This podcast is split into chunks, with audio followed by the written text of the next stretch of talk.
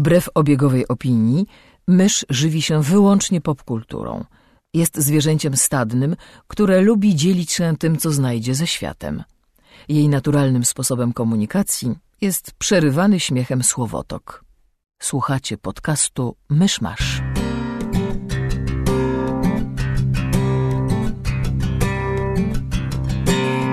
Gospodarzami podcastu Myszmasz są Krzysiek Sera, redaktor portalu Avalon. Kamil Borek ze studia Kobart. i Mysz, autorka bloga Mysza Mówi. Drodzy słuchacze, jest 19 grudnia 2016 roku, rocznica urodzin Edwarda Raczyńskiego, czwartego prezydenta Rzeczypospolitej Polskiej na uchodźstwie. Zapraszam na 164 odcinka podcastu Myszmasz. Tym razem na pewno. To tak, ten, ta, ten dzisiejszy motyw to tak w klimatach rebelii, czy czego? No to wiesz, żołd Polski w, w Londynie. On był, on był czwartym z kolei prezydentem. Wiecie, że dru, ten drugi prezydent był prezydentem przez 30 lat? Z najdłużej urzędujący prezydent Polski, technicznie rzecz biorąc. Ciekawe, czy o tym wiedział. No, Że jest prezydent. Nie no to, to reszta świata nie traktowała ich poważnie, ale oni siebie jeszcze, jeszcze w miarę.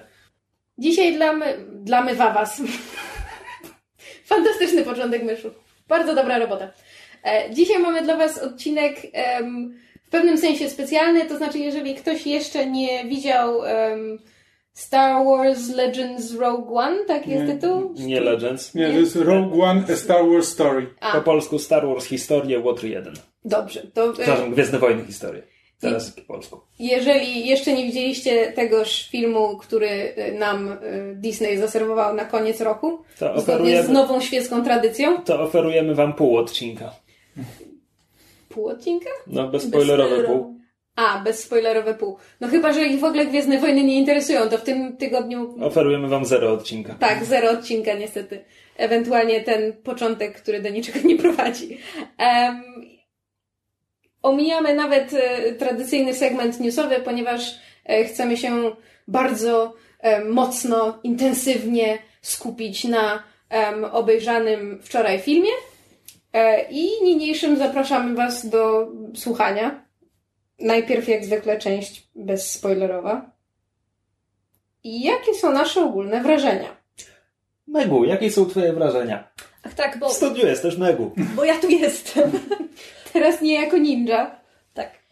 I thought I was doing so well i zapomniałam przedstawić gościa, co? To znaczy, już ustaliliśmy, że jestem prowadzącą z doskoku, więc Tak, ty tu jesteś Nie zawsze, mnie nawet jak cię nie ma. właśnie nie trzeba mnie przedstawiać.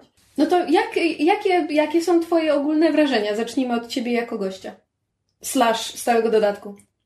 Zastanawiam się, jak zacząć w taki sposób, żeby nie wpaść w ciąg i nie zacząć gadać za dużo, ale jeżeli mam skondensować swoją opinię, to bardzo mi się podobało, chociaż wiem, że nie jest to film. Um, nie, nie, nie, nie chcę powiedzieć, nie jest, nie jest to film dla wszystkich, ale na pewno jest to film dla, dla, dla takich zatwardziałych fanów Gwiezdnych Wojen. I jeżeli ktoś się po nim spodziewa tradycyjnej przygodówki, czy tam e, historii klimatem przypominającej klasyczne Gwiezdne Wojny i poprzednie części, czy chociażby siódmą część, to może się trochę zdziwić, ponieważ jest to coś, jest to coś zupełnie innego, co się jeszcze w Gwiezdnych Wojnach nie pojawiło. Um, ale ja jestem, ja jestem bardzo na tak, chociaż yy, przyznam, że klimat yy, zaprezentowany przez film mnie nieco zaskoczył, ale tak pozytywnie. To tak słowem wstępu. Czy ktoś ma jakąś kontrę, albo czy ktoś ma jakiś e, e, głos na, na zgodę, na poparcie?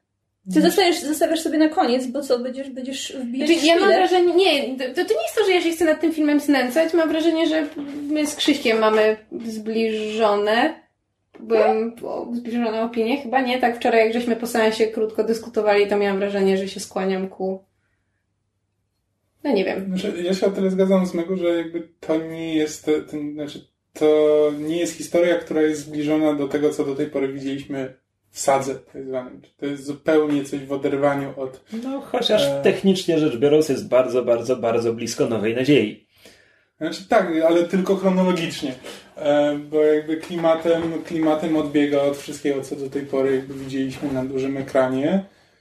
E, I jest, e, no tylko, że jakby ja szedłem na ten film ze świadomością tego, że to jest jakby zupełnie coś innego, że to ma być bardziej bliżej filmu wojennego niż, e, niż filmu e, o Gwiezdnych Wojnach.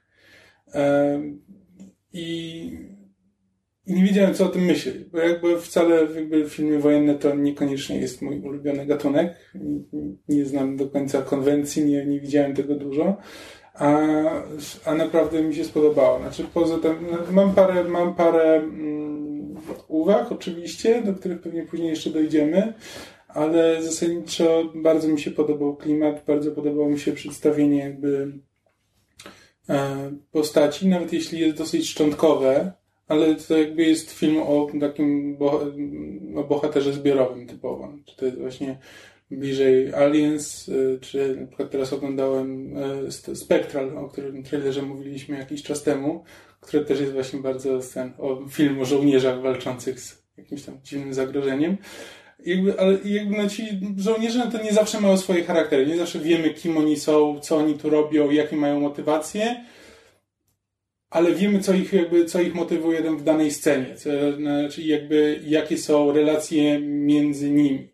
E, na przykład no tutaj mówię o na przykład postaci Doniego Donien. Donien i ten jego kompan. on jest nie Chirit, Chi, Chiwit. Chirat. Chirat. Chirat i ten jego kompan. Chirat Imre i Base, nie pamiętam nazwiska. no, na M. Na razie Chirat i Base. No jakby nie wiemy do końca skąd oni się tam wzięli. O Base'ie praktycznie nic nie wiemy, co on tam właściwie robi. No, tylko wiemy, jakie są relacje między nimi, znaczy jakby jaką mają e, ten. Jakby moim zdaniem to w tym momencie wystarczy, znaczy jakby do tego filmu. Nic, nic więcej nie, nie potrzebujemy jakiegoś rozbudowanego backstory.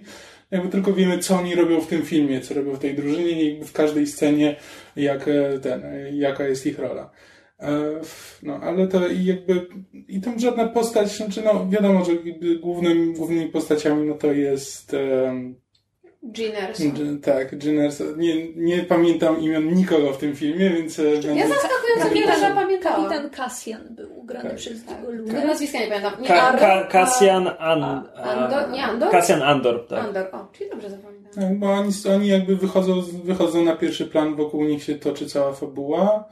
A tak to jakby cała reszta bohaterów, no to tam jest po prostu jako taki, jako taki bohater zbiorowy, jako taka po prostu fajna zbieranina ludzi, E, które jakby wydają się, wydają się żywymi bohaterami z historią, nawet jeśli nie wiemy, jaka ta historia jest. To ja tutaj muszę być troszeczkę w kontrze, bo jakby zgadzam się z, z tym, co Kamil powiedział na temat bohatera zbiorowego i jakby zostało to, zostało to napisane i zrealizowane z takim założeniem, że to jest jakby bohater zbiorowy, że to jest film wojenny, że nie musimy wiedzieć wszystkiego, że to jest zbieranina przypadkowych ludzi, gdzie jakby jest zasugerowana większa historia stojąca za każdym z nich, za ich motywacjami, z tym, jak się tam znaleźli, jaki jest ich cel i, i, i czego oni chcą, jakby, co oni chcą w całej tej sytuacji osiągnąć. Natomiast z jakiegoś powodu mm, ja tego nie kupiłam. Znaczy, nie na tej zasadzie, że to zostało źle zrealizowane. Z jakiegoś powodu, nie wiem, do końca, jakiego miałam rozdźwięk emocjonalny. Dlatego, że dla mnie właśnie w kinie wojennym, którego od razu zarzekam, nie widziałam zbyt wiele, ale dla mnie czołowym przykładem jakby dzieła wojennego fantastycznie zrealizowanego jest Band of Brothers, które ale trochę nie podpada, bo to jest serial, ale no to właśnie. nie zmienia faktu, że jak na to, że to jest serial, masz bardzo dużą grupę ludzi i nie wszystkich poznajesz bardzo blisko i bardzo dokładnie, co nie zmienia faktu, że na bardzo wielu z nich ci zależy, mimo że znasz ich pobieżnie. I właśnie to... Co, jeśli szukamy kina, znaczy filmu, który byłby tutaj najbliższym... Nie, nie. Parszywa dwunastka. E, jakby od pierwszych fotosów z planu Rogue One, jakby to było podstawowe skojarzenie mm. wielu ludzi, w tym i moje, że już sama Parszywa dwunastka nie jest takim typowym filmem wojennym, tylko właśnie idzie bardziej w tę gatunkowość i, i, i jest taka, wiesz, ta gromada tych parszywych typów z karnej kompanii, czy coś tam, którzy muszą wykonać niemożliwe zadanie i tak dalej. To, to nie jest typowy film wojenny. Natomiast wydaje mi się, bo mówicie bohater zbiorowy, a dla mnie Rogue One stoi trochę w takim rozkroku pomiędzy ensemble movie, przepraszam za angielszczyznę, ale nie potrafię tego inaczej odnieść, czyli właśnie filmu, gdzie mamy grupę bohaterów, ale tutaj przykładem powiedzmy Serenity, Firefly. To jest ensemble, bo tam mamy, tam nie wiem, dziewięć osób na statku i wszyscy są równie ważni.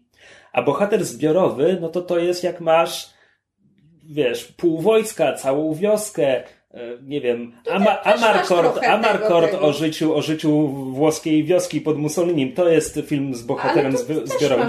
Właśnie elementy. Wiem, dlatego powiedziałem, że Rogue One stoi w Aha, rozkroku. twoim W rozkroku zdaniem między ensemble a A zbiorowym. w tym sensie. I w związku aha. Mhm. z tym dla mnie ani ta zbiorowość, ta, ta, ta rebelia jako bohater zbiorowy dostaje według mnie trochę za mało czasu, a z drugiej strony ta ensemble czyli te powiedzmy pięć, sześć głównych postaci nie są na tyle uwypukleni, żeby można o nich powiedzieć, ok, to jest ta szóstka, siódemka Mhm. pierwszoplanowych, równie ważnych postaci. Bo oni nie są równie ważni. Mhm. Jakby zdecydowanie, zdecydowanie to- to- nie jest równie ważny Tak, co ja się z tym Jin. zgadzam. Ale, czekaj, czekaj, bo to, to, bo, ale to moim zdaniem jest takie pomieszanie pojęć, no też jakby, no bo porównujesz jakby ensemble, mówisz, że to, że to nie jest ensemble, mówi tak jak, nie wiem, Firefly, jakby no Firefly jest serialem, gdzie jakby wiadomo, że możesz stworzyć e, e, grupę postaci i każdej z nich dać e, tyle samo czasu.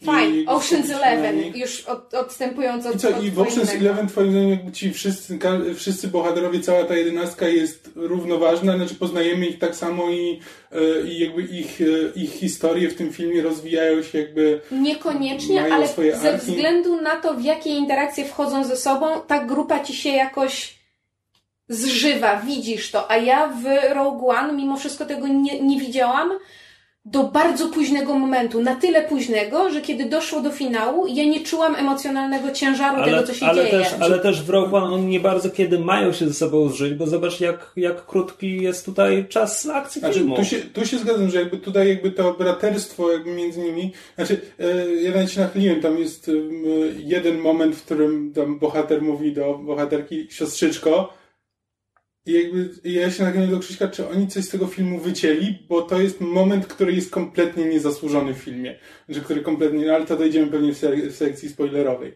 do tego, ale jakby tam jest, jest jakby założone pewne braterstwo między tymi postaciami, które rzeczywiście nie, na ekranie nie do końca się przebija. No, to jest takie trochę granie na emocjach widza. Właśnie, bo nawiązując do tego, co mówiłeś Krzysiek, ja mam jakby, mam pewien problem z tym, że okej, oni nie bardzo mają się kiedy zżyć i na szczęście to nie jest sytuacja, to nie jest kasus Suicide Squad pod tytułem byliśmy ze sobą 24 godziny i nagle jesteśmy rodziną. To nie jest aż tak źle, ale ponieważ zwłaszcza mam wrażenie w dialogach i w tym, jak są poprowadzone pewne elementy historii, film mimo wszystko gra na patosie i to tak dość w moim odczuciu Mus, silnie. musisz mi wyjaśnić, co masz na myśli przez grę na patosie. O Jezu, no Jak się gra na patosie? To ma struny?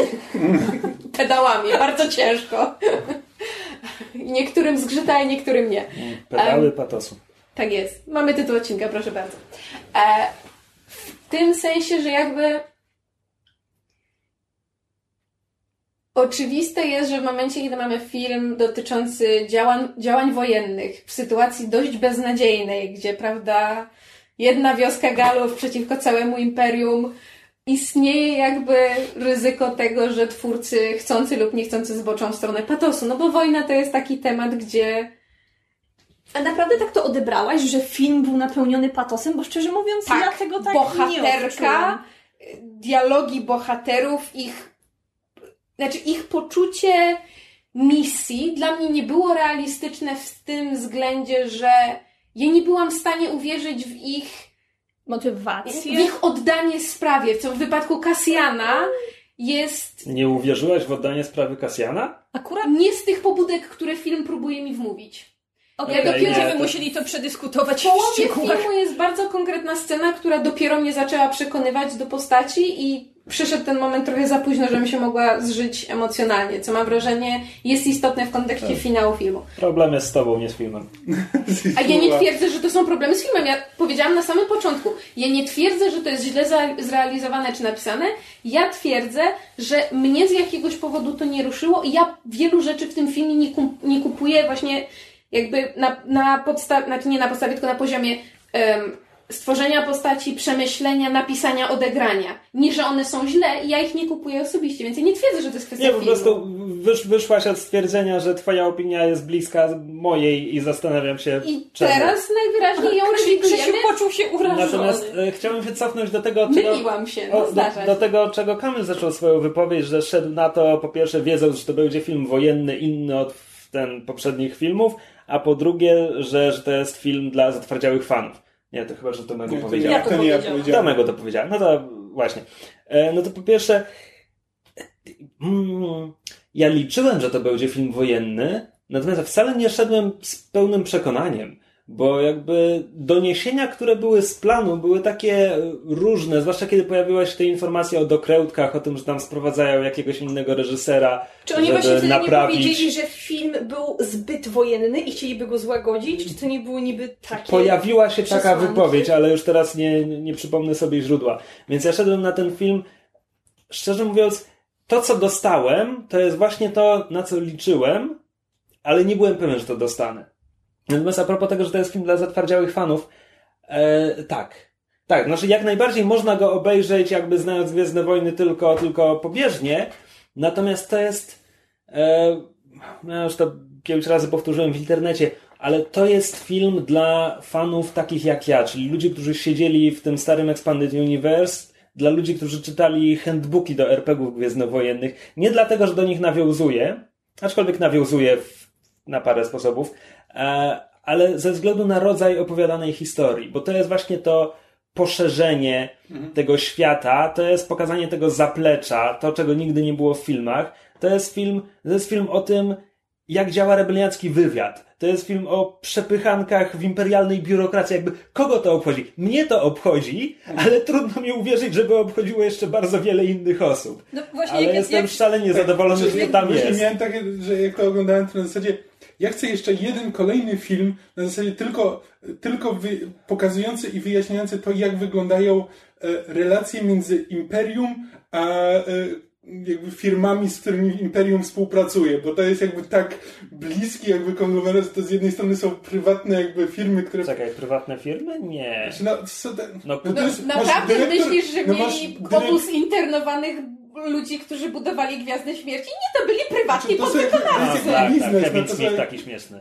Nie no, ale, nie no, ale no masz dyrektora, jak on, jakkolwiek on by się tam On nie jest, on jest dyrektorem wy, Wydziału Projektów Specjalnych, Imperialnego Wydziału Projektów Specjalnych. Nie, no jakoś tak odniosłem, że to są jakby, wiesz, że te, jakby pracują dla nich jak... Nie, nie, nie, nie, nie, nie. Krenik, Krenik jest imperialnym, jak najbardziej. Czy on jest oficerem po prostu, on jest oficerem Imperium? No, z jakiegoś pionu technologiczno-naukowego, ale, ale jak najbardziej. Hmm. To, to nie był prywatnym, wiesz. Nie no, ja właśnie nie to, że był prywatnym, tylko że to jest jakby taki po prostu taki biznesowe, biznesowe skrzydło Imperium, no.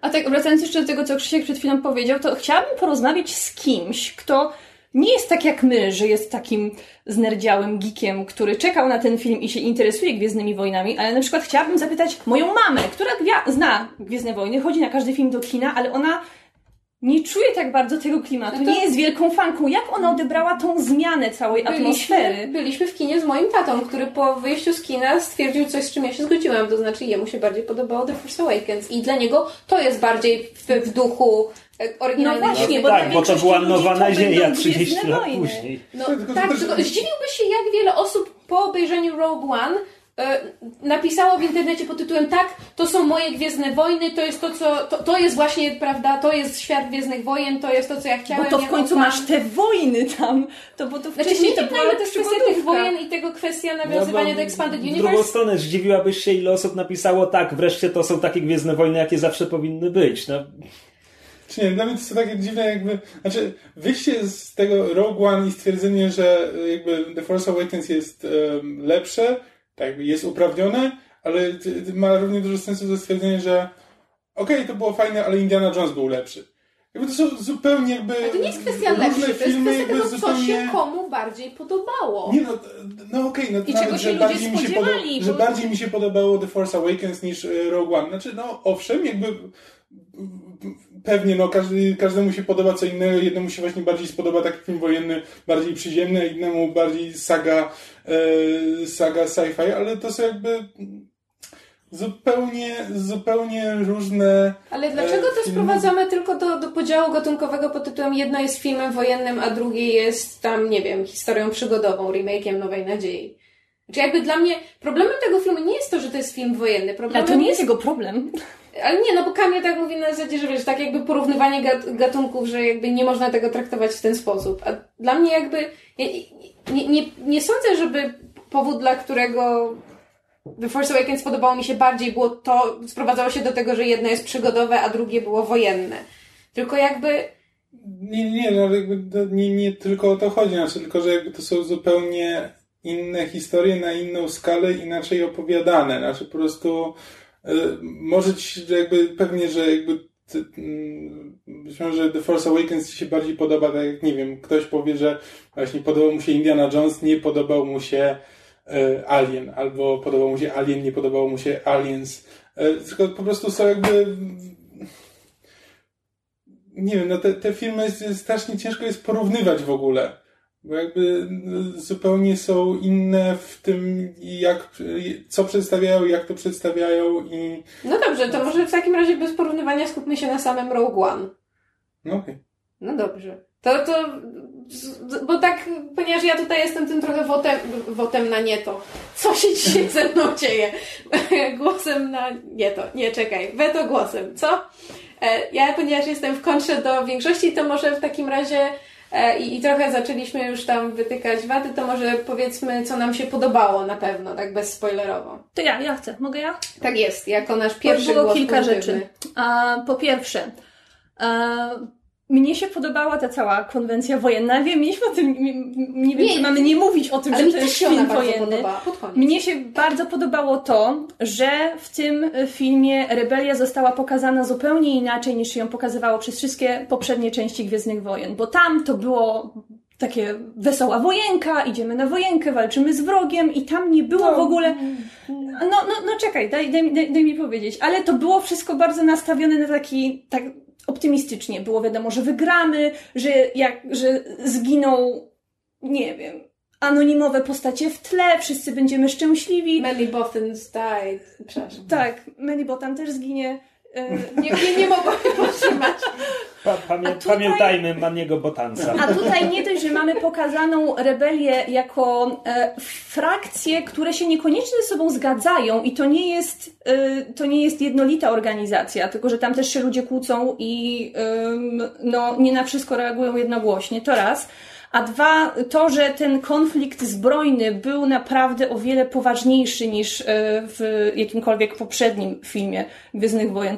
To, co mnie, to, co, to, co mnie się niesamowicie wryło w pamięć, to jak tam, jak tam ludzie, no, bądź co bądź w tych potyczkach ginęli i na przykład jak upadali na ziemię ginąc, w sensie, to potem w, se- w sekcji spoilerowej możemy o tym po, po, porozmawiać szerzej, ale oni, um, oni ginęli tak jak się ginie na wojnie, w sensie padasz w bardzo niepatetycznej pozie z jakąś nogą wywiniętą w jedną stronę, ręką, ręką w drugą i... Ręka na gamus na ścianie. Tak, tylko No. że to, była, no, to, to były po, po, poważne, sm- sm- smutne sceny i na mnie to, zro, to zrobiło straszne wrażenie. Tak samo jak fajne było to, że było podkreślenie, że mamy nie tylko tą główną grupę bohaterów, ale też tych żołnierzy, mamy innych rebeliantów i ich tam było o wiele więcej i o wiele bardziej byli zauważalni niż w poprzednich e, potyczkach, w których brała udział rebelia, które były pokazane w innych filmach. Znaczy, mam wrażenie, że jak, jak na bohatera zbior- zbiorowego, to ten to byli bardziej wyraźni niż w innych Tak, częściach. Tak się, no się z Tobą zgadzam, bo na przykład jestem sobie w stanie przypomnieć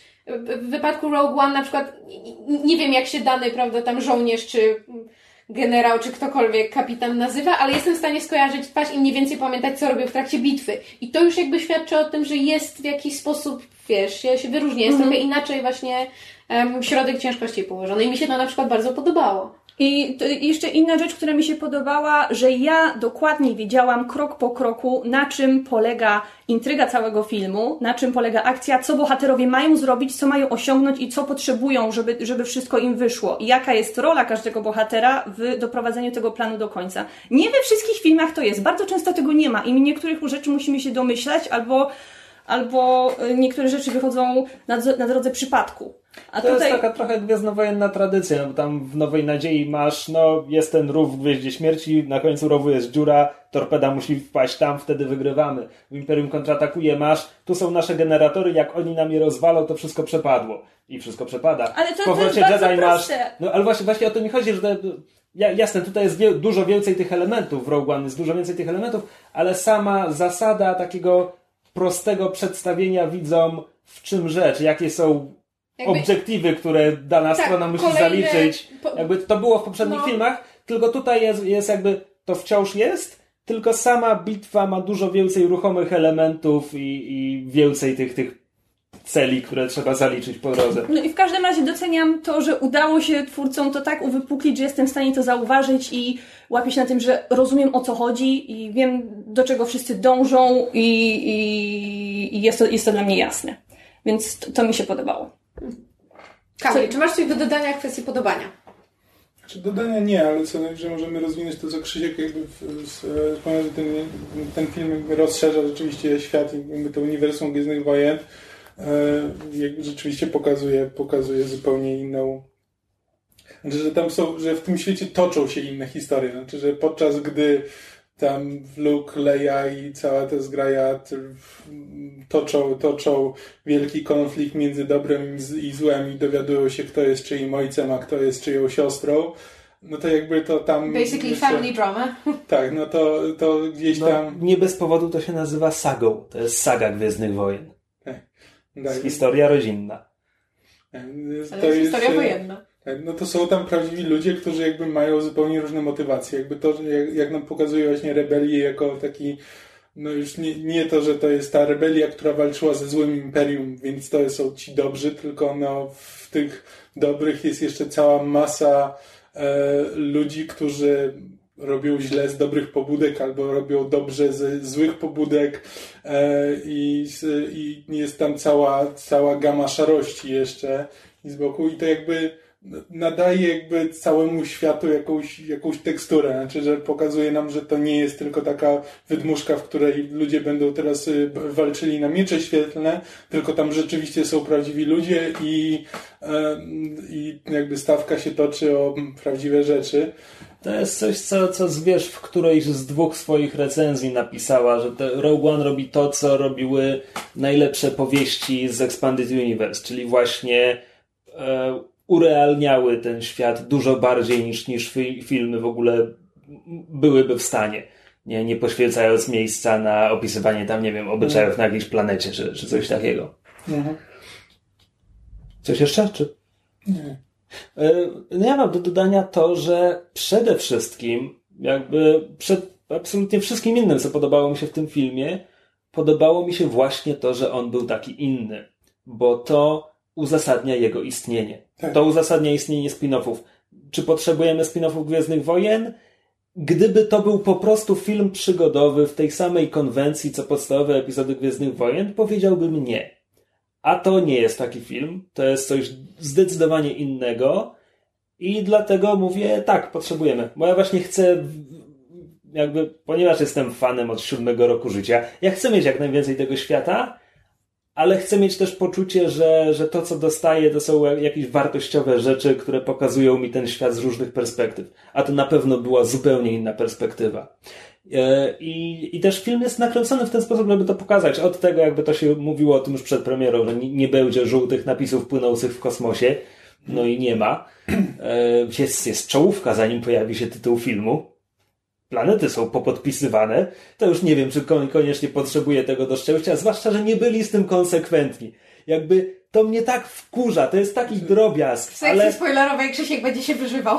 Nie, nie, no bo tu nie mam nic więcej do dodania, poza tym, że podejmują stylistyczną decyzję, żeby podpisywać planety, a potem się jej nie trzymają. No cholera jasna. A potem no. nie podpisują znaczy, jednej. Znaczy jeszcze z, z tym podpisywaniem planet, znaczy to E, to miało taki trochę niezamierzony negatywny efekt, że w pierwszej części filmu jakby to dokładnie podkreśla, jak poszatkowane jest, e, jak poszatkowany jest ten początek i jak skaczemy po e, po To miejscach, planet po różnych, tak, No po różnych planetach, po różnych jak, miejscach. jakbyś, nie- jakby to nie było po- podpisywane, to i tak byśmy po nich skakali. Tylko nie wiedzielibyśmy, gdzie jesteśmy. Tak, tylko że wtedy jakby to by miało może taki bardziej charakter tego, że to jest jakby jedna ciągła sekwencja, że jakby te rzeczy jakby wynikają z siebie i mają, mają logiczny ciąg, a nie na zasadzie, że teraz jesteśmy na jednej planecie, coś się dzieje, skaczemy na drugą planetę, dzieje się coś innego, wracamy na trzecią i, i tak dalej. Nawiązując, nawiązując do tego, co Kamil mówi, ja się z tym zgadzam, bo ja jakby, gdyby planety nie były podpisane, to owszem, mielibyśmy wciąż planet hopping, ale miałabym wrażenie, że to jest historia połączona, że to jest właśnie, że to jest jakby część wprowadzenia. Pokazujemy wam kilka bohaterów, którzy potem, zakładając prawdopodobnie, stworzą drużynę, z którą dalej będziemy śledzić. A wrzucanie mi tych nazw planet, mimo że było właśnie dla mnie jakby takim strasznie sztucznym podkreśleniem tego, o patrzcie, rozszerzamy uniwersum, pokazujemy więcej, pokazujemy Ale, coś. ale jest bardzo dobry powód, żeby popodpisywać te planety. Bo znowu, kiedy mówimy, że te, kiedy mówię, że ten film jest inny, jest też inny w tym, jak jest nakręcony. Tu jest na przykład dużo więcej ujęć z rełki niż w jakimkolwiek w, w epizodzie. Nie mówiąc już o tym, że tylko J.J. Abrams kręcił ujęcia z rełki, a w poprzednich sześciu ich w ogóle nie było. E, więc on po prostu wygląda inaczej, ale też tutaj odeszli od tego lukasowego standardu, e, że każda planeta to jest jeden ekosystem. Tutaj te planety wyglądają jakoś dużo bardziej prawdziwie. E, I w związku z tym, gdyby te planety nie były popodpisywane, to czasami wydaje mi się, że mogłoby kompletnie nie być zrozumiałe, że Tak, przenieśliśmy tak, się z planety znaczy to- na to- planetę, to akurat bo one prawda. nie są tak odróżnialne na pierwszy rzut oka, jak Jedda, Jedda ma kilka różnych, znaczy, że można by było się pogodzić myśleć, że już jesteśmy na zupełnie innej planecie. Jakby, że jak się przenosimy z miasta na pustkowia i tak dalej, to Czy to jakby... wyglądało jak Tatooine trochę? Dobrze To, się? to, to już jest inna sprawa, że ktoś by sobie pomyślał, okej, to tutaj byliśmy w jakimś Ale mieście, przykład- to była Jedda, a potem przenieśliśmy się na Tatooine? Czemu Ale jesteśmy na Tatooine? W kontekście historii jest to naprawdę aż tak ważne, żebyśmy wiedzieli, jakie są. Że w ogóle tam występują odległości typu to jest inna planeta, to jest inna część galaktyki. właśnie o to chodzi, że tam w paru, mi- w paru miejscach tak, w paru potrzebne. miejscach nie. No Właśnie o to chodzi, że jakby na początku mi to trochę jakby właśnie tylko podkreślało to, tę te, ilość tych różnych scen. Potem w paru miejscach jakby to się przydaje jakby po to, żeby umiejscowić i jakby pokazać, że okej, to jest to miejsce, w którym już byliśmy, albo wiesz, albo to jest to miejsce, o którym przed chwilą rozmawiali. Bo jakby też łatwo by było się w tym pogubić, albo po prostu, y, albo zatopić w ekspozycji, kiedy by ci za każdym razem jak gdzieś lądują, to ci teraz muszą powiedzieć, gdzie właśnie wylądowali.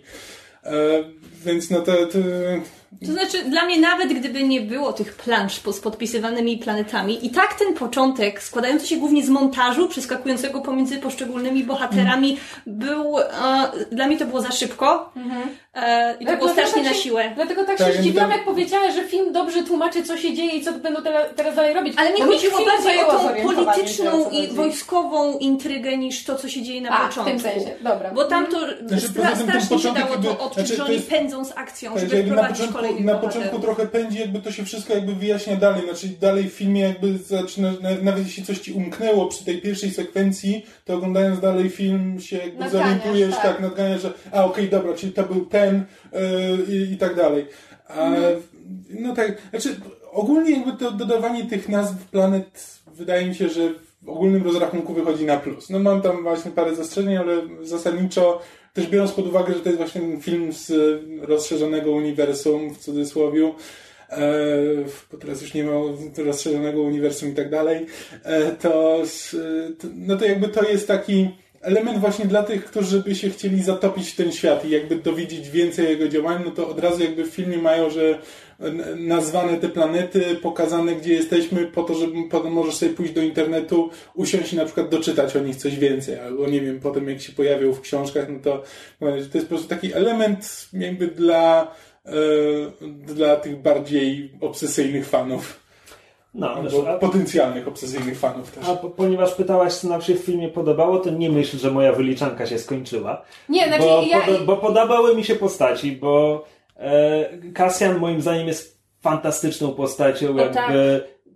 ni- nigdy nie było tak szarej postaci w Gwiezdnych Wojnach i, i nawet jeśli on tam może, jego wątek jest trochę niedorobiony i znaczy nie, nie, ja, ja bym nawet nie, czekaj, bo, bo to brzmi jakbym ja miał do tego zarzuty, a tak naprawdę dla mnie to jest okej, że my nie wiemy o nim wszystkiego i że my musimy się domyślać E, nie tylko w jego wypadku, ale też w wypadku innych e, postaci, na przykład w wypadku e, Bodiego. Musimy się domyślać, za co oni właściwie chcą odpokutować? To, to mi nie przeszkadza zupełnie. No, KK2SO jest, jest fantastyczny. Jakby Alan Tudyk nigdy nie zawodzi. Przy czym y, można, można dodać, że to właściwie, jakby na to nie patrzeć, to jest jedyna postać z poczuciem humoru w filmie. To w sensie, tak. nie, nie jedyna postać z poczuciem humoru, ale to jest jedy, y, tylko on wprowadza elementy humorystyczne do filmu. Znaczy, to znaczy, dla mnie, dla mnie Krenik jest zabawny, ale tylko w prologu, potem traci poczucie humoru. No i ten yy, ślepy samuraj zdarzył mu się A, jeden tak? żart. To, to, to, jest tak, ten film jest tak skonstruowany, że jakby bo zasadniczo on jest spójny jakby w swojej, w, tonie, natomiast jakby masz właśnie postaci, znaczy jeśli pojawia się Krenik, to prawdopodobnie zrobi coś zajebistego, znaczy robi jakoś, będzie, będzie fajna scena akcji. E, nie Krenik, e, przepraszam, Kranew, Kranew. Jak się nazywa? Kto? Doni ten. Donien. Donien. Jak się nazywa jego postać? Chirit. Chirit.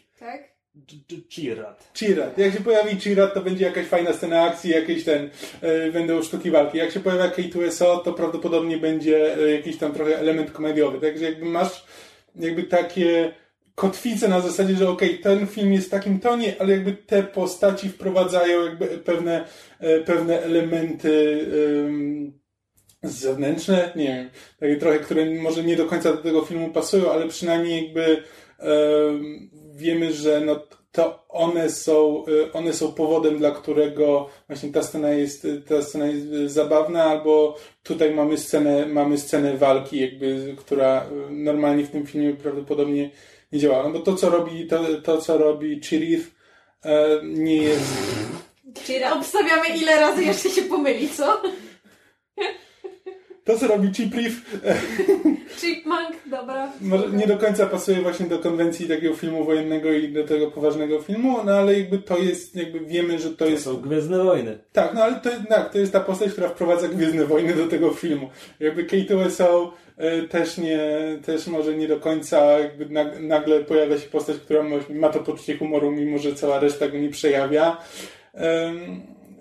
ale jakby no, to, to, to, nam po prostu zaczepia te, te, te elementy obce w tym gatunku e, do jakby konkretnych, konkretnych to punktów. jest tak, że humor jest elementem obcym w kinie wojennym. Nie, no, oczywiście, że nie. Wisielczy humor żołnierski, no to, to, to jest standard. Natomiast e, kończąc wyliczankę rzeczy, które mi się podobały, jestem zachwycony tym, jak ten film wygląda.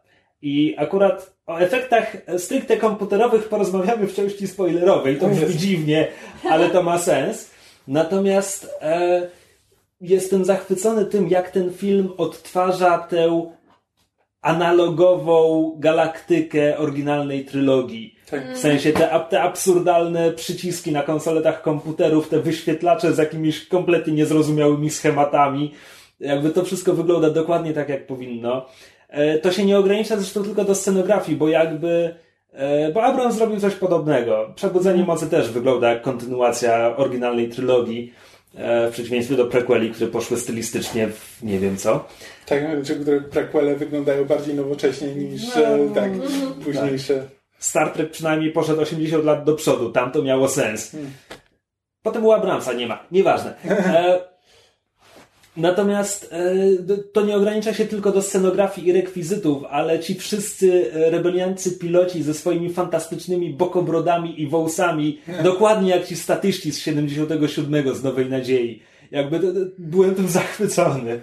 To jest dziwna rzecz, na której można by się skupić, ale, ale to są właśnie Gwiezdne Wojny. To są ci ludzie sprzed 35 tak, lat. Wyglądają jakby ich wyciągnęli z planu filmu porno i zaprowadzili, żeby statystowali no, no, Gwiezdnych Wojny. No, no i właśnie.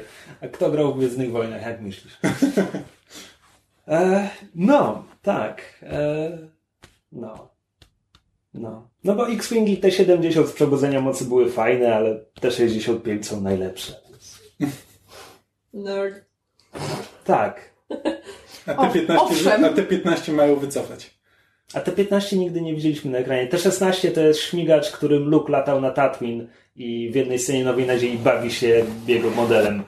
Kurczę, dopiero teraz to, co powiedziałeś, uświadomiło mi, jak mnie się bardzo podobała ta postać Kasjana. W sensie, nie, ja, jako, jako, jako postać, bo jak się nad tym zastanowić, to jest taka tendencja do tego, żeby wszyscy kapitanowie statków i główni męscy bohaterowie e, filmów w takiej konwencji, żeby oni wszyscy byli jak Han Solo, a tutaj oni udowodnili, że można zrobić takiego fajnego bohatera w Gwiezdnych Wojnach, mężczyznę, który nie jest jak Han Solo, tylko ma zupełnie inny, inny zestaw cech i, i to jest takie fajne. I po prostu... Tak, bo to jest jakby ten typ Hanna Solo, tylko tak jak on by rzeczywiście wyglądał... ym, Nie, że nie, tak- nie, to nie jest właśnie typ Han Solo, to jest coś zupełnie Znaczy, innego. no, I lepsze jest to, że ten shady, jego shady y, charakter z tą niewinną buźką A, Luny, tak. to jest taki rozdźwięk straszny, dla mnie przynajmniej, bo jak się Diego Luny zna z takich filmów jak Dirty Dancing 2 albo e, Terminal e, z Tom Hanksem, to, to, to, jest dziwne oglądanie go w takiej roli, ale to jest, ale to, to, to dla mnie to strasznie działa i mi się to strasznie podobało. Znaczy, ja tylko miałem na myśli jakby Więcej Solo, Diego że, Luny. w sensie, że to jest taki scoundrel trochę, że jakby to co, to, co w Gwiezdnych Wojnach, jeżeli też w RPG się określało, y, kla, klasa scoundrel, e, jakby w, i w Star Warsach to jest jakby typ postaci. On tro, trochę jakby reprezentuje ten typ, ale przynajmniej, ale to nie jest taki, który jakby mówi ci, że mówi ci, że jest bardzo zły, a potem wszystko, co robi na ekranie jest, e, jest właściwie śnieżno-białe. E, tylko no rzeczywiście on ma tam To coś za to, uszami. Jak ci mówi, że robiłem brzydkie rzeczy, to mu wierzysz. Tak. Myszu, czy tobie się coś podobało? Najśmieszniejsze jest to, że mi się podobało bardzo wiele, jeżeli nie większość z elementów, o których mówicie, bo tak, nie wiem Krzysiek, czy mówiłeś do mnie na zasadzie, bo jestem na twojej linii wzroku, kiedy mówiłeś, że to by się podobało, że ten film jest właśnie inny. Mi też się podobało to, że on jest właśnie inny, tylko jakby wszystko to, o czym mówicie, dla mnie nie zmienia faktu, że ja nie byłam w stanie zapomnieć, że oglądam film. I że wszystkie decyzje, które zostały podjęte, tego jak dana postać jest napisana, jak jest odgrywana, jak, jaki ma być archetypem, czy jaki archetyp ma przełamać, jakie emocje chce reżyser czy scenarzysta wzbudzić w widzu. Na każdym kroku miałam wrażenie, że widzę tę nitkę, którą jestem wiedziona przez ten film. Bo my wiemy, jak on się kończy. Nie, właśnie nie. To nie o to chodzi. To chodzi o to, że na zwykłym emocjonalnym poziomie pod tytułem ojejku, co się stanie? Nie na zasadzie, bo nie wiem, wiem, ale na zasadzie ojej, ciekawe jak, ciekawe jakie będą w związku z tym mieli przeżycia, ciekawe jak zareaguje na tę sy- sytuację, a ciekawe jak zareaguje na to, co ten powiedział.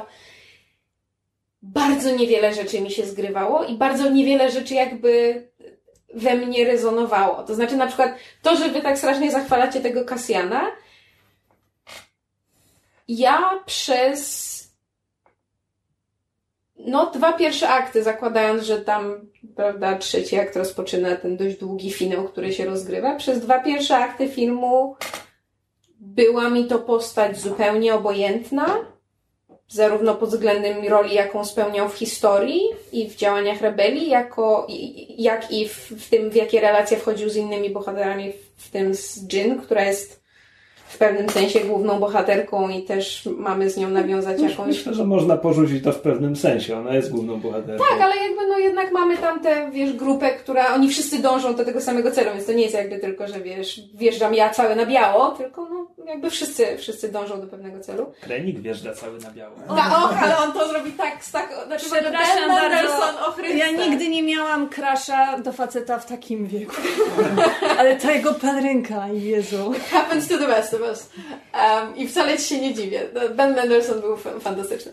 E, natomiast z jakiegoś powodu, tak jak normalnie jestem w stanie zapomnieć, że oglądam film i się zaangażować emocjonalnie i zacząć się bać o losy postaci, nawet jeżeli wiem, co się wydarzy, gdzieś na jakimś poziomie nie było tego przeskoku. Nie byłam w stanie uwierzyć w tę historię, nie byłam w stanie uwierzyć w te postaci ani w ich emocje. I dopiero od, od końcówki drugiego, początku trzeciego aktu, kiedy jakby zaczyna się. Końcówki drugiego początku trzeciego aktu. No tak, no w sensie. Tak to działa. One się łączą. Znaczy tam jest taka jedna konkretna scena, która jest dla mnie jakby początkiem trzeciego aktu. Nie chcę o niej mówić, no bo to jest spoiler, ale dopiero od tamtego momentu jakby kliknęło, przynajmniej częściowo, tak jak powinno było od samego początku. I dla mnie niestety ten moment kliknięcia, kiedy już zaczęłam się angażować i na zasadzie ojej, okej, okay, teraz mi zależy, teraz bym chciała, teraz, teraz mnie to obchodzi, już za mało zostało do końca i było, finał był na tyle właśnie tym bohaterem zbiorowym mimo wszystko, z drobnymi przebitkami, że to jakby ginęło. I jest w finale kilka bardzo pięknych scen, które dla mnie jakby podsumowują pewne, pewne relacje, pewne wątki, zamykają bardzo ładną klamrą, ale to wszystko przyszło za późno, dla mnie. Muszę powiedzieć Myszu, że siedzę tutaj na, obok siebie na tej kanapie i czuję się jakbym słuchał, jak mi opowiadasz o tym, że widziałaś UFO i zaprosili Cię do środka na herbatkę. To wiesz, jak ja się czuję bo, w momencie, kiedy to ja jestem bo, sama, bo a Was jest trójka? Bo, bo, bo jasne, rozum, rozumiem, że... Znaczy, trzeci akt tego filmu jest najlepszy i ogólnie druga połowa jest mocniejsza od pierwszej połowy. Ale biorąc pod uwagę, jak ty potrafisz przeżywać emocjonalnie każdą najgorszą szmirę, słuchać teraz, jak mówisz o tym, jak Rogue One cię kompletnie nie obeszło. Czekałam na to. to ojej. To, to, to, były ostatnie słowa Krzyśka. Jak będzie wpis o, o tobie na Wikipedii, to będzie jego ostatnie słowa brzmiały i to będzie... Famous last words. Znaczy, ja Um, znaczy nie, ja, ja doskon, doskonale rozumiem, że można się minąć z filmem. Po prostu jestem zdziwiony, że minęłaś się z tym filmem. Ja też. I muszę powiedzieć, że fascynujące jest patrzenie na film z Twojego punktu widzenia, biorąc pod uwagę, jak często to ja jestem tą emocjonalną kulką, wiesz, energii, pisku, a Ty jesteś ten spokojny, który, wiesz, wytyka i, i, i, i, i ma swoje, wiesz, uwagi. I jakby bardzo często się różnimy odbiorem filmów, natomiast nigdy chyba jeszcze nie byliśmy w tak zupełnie odwrotnej sytuacji. Jest to, to, to, to, nie jest, to nie jest tak, że ja piszę na Rogue One, jakby film, film ma wadę, nie jest tak, że ja ich nie widzę. piszę na w jakimkolwiek filmie, to to by było famous last words. Znaczy nie, nie, też od razu powiem, że przez cały ostatni akt siedziałem wbity w fotel po prostu nie miało znaczenia to, że to, że z Nowej Nadziei wiem, jak ten film się skończy, jakby mhm finał tego. Nie, finał jest fantastyczny. Ten film mnie zaskakiwał w finale. To, to także. Nie, tam napięcie było bardzo dobrze zbudowane i pewnych rzeczy się autentycznie nie spodziewałem. Um, nie, ja mówię, ja jakby zdaję um, sobie sprawę z tego, że jestem w mniejszości, czy wręcz jestem jakimś chorym ewenementem i mi jest z tego powodu autentycznie smutno. To znaczy, mi jest przykro, że mi się ten film nie podobał tak bardzo jak innym bo czuję, że coś mnie omija i mimo to nie jestem w stanie jakby, no nie, nie zmuszę się do tego, żeby, żeby nawiązać nie, więź. Się nie, że się nie zmusisz, ale myślisz, że... No wiesz, na zasadzie, że jak ma się podobać, skoro się nie podoba. Znaczy, to nie jest to, że mi się w ogóle nie podoba, tylko jakby wiesz, no... Znaczy, myślisz, że to wynika z faktu, że nie potrafiłaś się tak emocjonalnie związać z tymi bohaterami, bo nie byli aż tak mocno i tak szeroko przedstawieni? W sensie, że było ich tak dużo, że nie, da, że nie dało się, wiesz, zbudować im każdemu tła historii, tak żebyś mogła ich współodczuwać? Może, trochę, ale z drugiej strony, kiedy przychodzi ten moment, kiedy dla mnie kliknęło w tym, w tym tam pod koniec tego drugiego aktu, to jakby... Mm, jak to wyjaśnić? Że jakby wstecznie wiele rzeczy mi też powpadało na miejsce, ale jakby przyszło to za późno, już już nie byłam w stanie emocjonalnie nadgonić tego filmu, który w finale już jakby, może nie pędzi na złamanie karku, no ale dużo się dzieje i jakby trzeba pewne wątki pozakańczać. I wiesz, to też nie jest tak, że ponieważ to są nowi bohaterowie, o których nic nie wiemy. W The Force Awakens też tak mieliśmy nowych bohaterów, o których dopiero poznajemy. No było ich mniej. Dobrze, było ich mniej, ale to też nie jest tak, że ich historie są jakoś super rozbudowane. Wiele rzeczy sobie widz dopowiada. No tak, ale mm, nie, no, w The Force Awakens masz trzy nowe ważne postaci, które są na ekranie cały czas praktycznie. Trochę trudno to porównywać z Rogue One pod tym względem. Jakby Force Awakens ma dużo prostszą historię, ma dużo prostszych bohaterów e, i poświęca im maksimum skupienia. Więc e, łatwiej, wydaje mi się, że dużo łatwiej jest wtedy nawiązać twórcom filmu było dużo łatwiej, żeby widzowie nawiązali z nimi więź. Ja się tutaj. zgadzam i rzeczywiście być może gdyby tych postaci w Rogue One było mniej, albo gdyby ciężar był przeniesiony z działań wojennych, politycznych, machinacji, przepychanek na poznanie bohaterów, byłabym się w stanie zaangażować bardziej, ale wbrew pozorom ja wcale chciałabym chyba, żeby ten ciężar został przeniesiony, bo to, co jest, właśnie to, co dostajemy pod względem tego filmu wojennego, tych przepychanek, tej polityki, działań Krenika, punktu widzenia zupełnie innego na rebelię, em, specyficznego punktu widzenia na imperium, znaczy na bardzo jakby konkretne postaci, jakby konkretne komórki działania. Mi się to wszystko bardzo podoba. Tylko los bohaterów mnie nie obchodzi, co jest trochę utrudnia film, w którym to, kto zginie, jak Spoiler! film wojenny na miłość boską. Jak w kinie wojennym dość istotne jest to, kto ginie.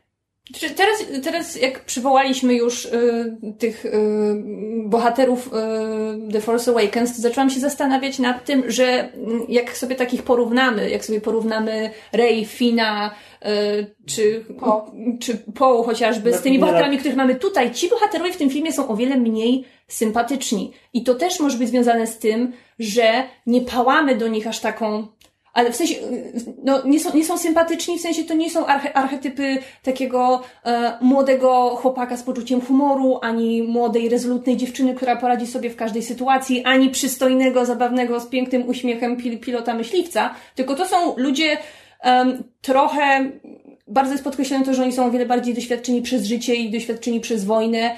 I jak patrzysz na Jean, to to ona, ona i Ray to to jest, nie, nie była ziemia, to są zupełnie, zupełnie różne No osoby tak, i w tym fajne. filmie to one, oni są wszyscy o wiele bardziej poważni i nie wzbudzają aż takiej sympatii.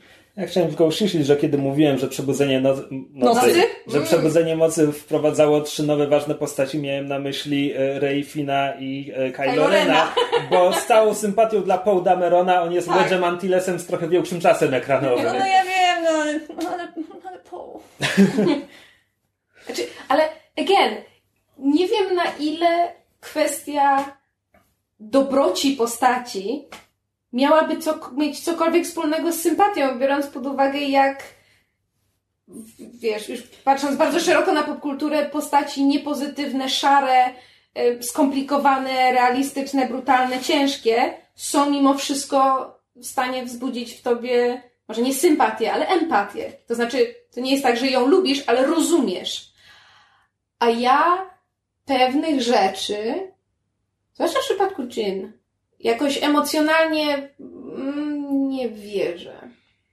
Mam wrażenie, że u niej istotny jest dla mnie przeskok czasowy. To znaczy, jakby. Jaki przeskok czasowy? No, nie, Między prologiem a całą resztą filmu? Bo potem nie ma przeskoku czasowego. tak, znaczy, jakby. Chodzi o jej zmianę motywacji w środku filmu? Tak, i jakby to, że, bo to, że, że, że o- Kasjanie wiemy niewiele, a to, co wiemy, jest jakby wybitnie szare, nazwijmy to, to mi nie przeszkadza. To jest, to, ta postać została tak stworzona i, i okej. Od pewnego momentu kupuję jego motywację. Natomiast Jin dość szybko musi przejść zmianę motywacji i powodu, dla którego tam jest. I ja nie wiem, czy ja go do końca kupuję. Zwłaszcza biorąc pod uwagę pewien patos, który ja wyczuwam w całym wątku rebelii i tego, kto i dlaczego w niej bierze udział i działa w rebelii. To jakby w momencie, kiedy mamy Ja chyba musimy Kasjana przejść do i... tego w, w, w sekcji spoilerowej, Czy bo możemy już? nie... Chyba tak, Tak. może Możemy już- jeżeli bo- ktokolwiek do tak, tego tak. momentu słuchał, to, To znaczy, raczej widział film. Ja, ja jeszcze w sekcji bezspoilerowej chciałbym e, zapytać Was, co sądziliście o muzyce. Pierwsze Gwiezdne Wojny bez muzyki Johna Williamsa. I, i, i to czuć, i to, To- słychać. Ja już to kilku osobom mówiłam, ale ja strasznie żałuję, chyba tylko żałowała, że Desplat nie został i nie zrobił tej muzyki do końca, bo jeżeli to jego muzyka była wykorzystana w w zwiastunie i tam było słychać bardzo fajnie przerobione motywy z klasycznej trylogii, Marsz Imperialny, ten główny temat muzyczny i one były tam e, w zupełnie innej konwencji nagrane. Gdyby to zostało w filmie, bym się tak strasznie cieszyła, a tego tutaj w ogóle nie było. I ja nie jestem w stanie niestety zanucić ani jednej minutki z tego filmu. Znaczy, to była... Ja też nie. Były dwa motywy, które mi się po- spodobały, które jakby w filmie słyszałem po parę razy i pomyślałem sobie, u, one są ładne. Po wyjściu z kina próbowałem je zanucić i wpadałem w, w Okej. motywy Williamsa ze starych ja mam, epizodów. ja mam takie pytanie, bo ty, ty Krzysiek będziesz kojarzył. Em, do Star Treków Abramsa Michael Giacchino. Giacchino robił. Bo oglądam ten film i tak sobie myślę, kurczę, no niby te motywy Williamsa są spoko wykorzystane, ale one są najbardziej charakterystyczne. A reszta jest bardzo fajna, to znaczy jakby w, w, moment, w, w scenach, w których ma wywołać konkretne emocje, nawet całkiem nieźle jakby je, wiesz, śledzi, w sensie muzyka działa na te emocje, na które w danej scenie powinna, ale w życiu bym nie była w stanie jej zanudzić. I moje pierwsze skojarzenie było Star Trek Abramsa, ten ostatni. Kontrapunkt. Motyw Dziacino do nowych Star Treków ja ci zanucę, a Tak, z Rogue One nie. No ale wiesz, mm, czy Giacchino robił wszystkie, wszystkie trzy Tak. Star Treki? No to widzisz, Chyba. on jakby, on, on tworzył od zera, a tu mimo, mimo wszystko musi pracować z cudzym materiałem i też... Ale też ale to nie jest tak, że tutaj co chwila wyskakuje jakiś cover Williamsa. Tak, tylko że chyba problem polega na tym, że jak już wyskakuje, to skupiasz się tylko na tym i reszta jakoś tak po prostu... Znaczy, ja, ja, ja go nie bronię, ale bawi mnie fakt, że moim pierwszym skojarzeniem było Star Trek i potem się okazało, że to robi Giacchino, bo to znaczy, że jakby jest pewna... Facet ma pewien styl, może nie taki, który byłam w stanie zanucić, natomiast... Nie, to mu- muszę powiedzieć, że w czasie sensu ja nie, Nie? Ja, ja wiedziałem, że Giacchino zrobił A, tą bo ja muzykę, nie wiedziałam. ale, ale nie miałem skojarzenia absolutnie z trekami Abramsa i, Hmm. i tego drugiego. Hmm. E... Lin? On się Lin nazywa? Justin Lin. Wcześniej. Właśnie. A, no, tak.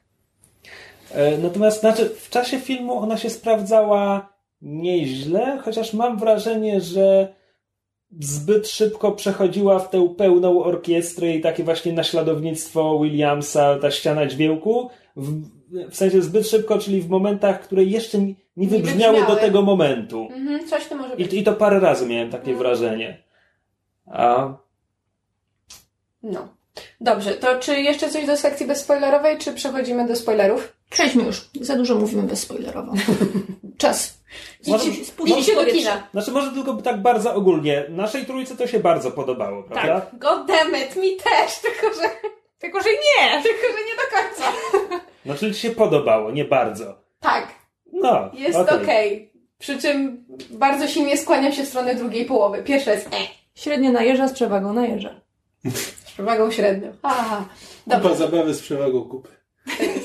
E, niech ktoś zatrzyma tę karuzelę śmiechu. E, dobrze, to w tym momencie przechodzimy do sekcji spoilerowej. Jeżeli ktoś jeszcze nie miał przyjemności wybrać się do kina, to bardzo polecamy. Wróćcie do nas, jak, jak e, wrócicie do domu. A ci, którzy widzieli, zapraszamy. Uwaga, teraz będą spoilery. Tam, tam, tam, tam. Ja tak, jak, się- jak się mówi o spoilerach, to chodzi o te wielkie twisty, które nagle się w filmie Everybody pojawiają nam tak. Właśnie, czy tutaj w tym filmie były twisty oprócz tego okropnego, okropnego końca, który mnie rozwalił jak walec i po prostu zostawił mnie w takim okropnym stanie emocjonalnym. To jest- było takie... To znaczy, dla, dla mnie spoilerem jest powiedzenie czegoś, co kiedy ja sam oglądając film, byłem zaskoczony, że to widzę. I, I przyjmując takie kryterium, spoilerem na temat Rogue One było, było dla mnie powiedzenie, że mamy tutaj nekromancję z Peterem Cushingiem i Moff Tarkin chodzi na ekranie. Okej. Ja wiedziałem, że postać się pojawi. Ja nie miałem pojęcia, że oni go odtworzą w komputerze. Myślałem, że wzięli, nie wiem, tego aktora z Zemsty Sithów, który tam stał w tle Znaczy, jako Tarkin w pewnym Oni, momencie. oni nawet Charlesa Dansa mogliby wziąć do tej roli Tak. i on byłby ten lepszym Tarkinem niż Rylance, e, ta gumowa Rylance, ja już to, już, ja już, już to mówiłam, powtórzę to jeszcze raz. Kiedy zobaczyłam Tar Tarkina, zobaczyłam wielkiego, fajnego giganta i Mike'a Rylance'a w jego roli. Domalowaliby mu kilka kropek CGI na twarzy, postawiliby go i powiedzieli graj Tarkina i on by twarzą świetnie pasował. Ale ja tego Ale wiecie, Tarkina że ten- tak strasznie nie kupuję. Ale wiecie, że ten Tarkin on nie jest w 100% komputerowy. Pod spodem jest aktor, No który tak, bardzo. Ale nie, ale aktor, który bardzo wygląda jak Peter Cushing, Cushing świętej pamięci, więc tak mówisz, że mogliby wziąć Raylance'a i dać mu kilka kropek. Oni wzięli aktora i dali mu kilka kropek, tylko niestety parę za dużo. Okej. Więc po prostu troszkę Też, przesterowali. no to ta sama, ta sama sytuacja jest potem z Leją w ostatniej scenie. Jakby tam też była jakaś aktorka na planie. Tak, tylko Lea się pojawia na moment, mogłaby się nie pojawić, efekt byłby tak, znaczy efekt byłby lepszy, nie mielibyśmy woskowej lali, a Tarkin mimo wszystko pojawia się na tyle często, że ta Uncanny Valley w pewnym Znaczy, momencie mi mówiąc- troszeczkę ucichła. Szczerze mówiąc, on mi, tak, mi też. Jakby w pierwszej scenie coś mi nie grało, a potem już przyzwyczaiłem się. Nie, a mnie, a mnie przez, przez cały czas strasznie Tak to drażniło. Znaczy, było parę scen, w których mi to nie przeszkadzało, ale to nie było tak, że na początku mi przeszkadzało, a potem nie. Tylko na początku mi przeszkadzało, w następnej scenie było jakoś lepiej, w następnej scenie znowu nie i tak jakoś... e, Ja próbowałam się do tego przekonać, ale dla mnie te modele CGI, one mają taki strasznie pusty wyraz oczu i spojrzenia. Oni Czy- patrzą w przestrzeń i ty nie widzisz, żeby Znaczy- oni się skupiali na innej postaci, Znaczy, z którą to, to, to jest jedno, znaczy, jakby oczy, oczy mają martwe, a z kolei twarz mają nadekspresywną. Znaczy tam jakby każdy uśmiech, to jakby widzisz mięśnie, który animator zanimował, żeby pokazać ten uśmiech. I one, I one są przesadzone i tam się za dużo rusza w tej twarzy. E... Dla mnie jedna rzecz, która w CGI, znaczy w tych takich właśnie ten, e, CGI-owych twarzach, czy odwzorowaniu czyjegoś wyglądu, co zazwyczaj zdradza, to o czym ty mówisz, Kamil, tak, bo jakby to nie jest naturalne, dlatego że jest za bardzo przemyślane. W to poszło za dużo jakby, wiesz, kodów komputera i, i, i programistów i tak dalej. Glitches, ale, glitches. Tak, ale jest jedna rzecz, która zawsze to zdradza i to tak a propos, co powiedziałam, że woskowa leja. To jest bardzo specyficzny wygląd CGI-owej skóry. Jest, nie wiem na czym to polega, bo jakby... Jest nie... zagładka? Inaczej odbija światło. Właśnie jak wosk. Mhm. I ja nie wiem, dlaczego oni nie są w stanie tego dopasować w komputerze. Nie znam, nie znam się na tyle na grafice komputerowej, ale biorąc pod uwagę, jak wiele rzeczy pod względem dodania czy zmienienia oświetlenia można zrobić w postprodukcji, bardzo mnie zastanawia, dlaczego CGI-owa skóra tak inaczej odbija światło.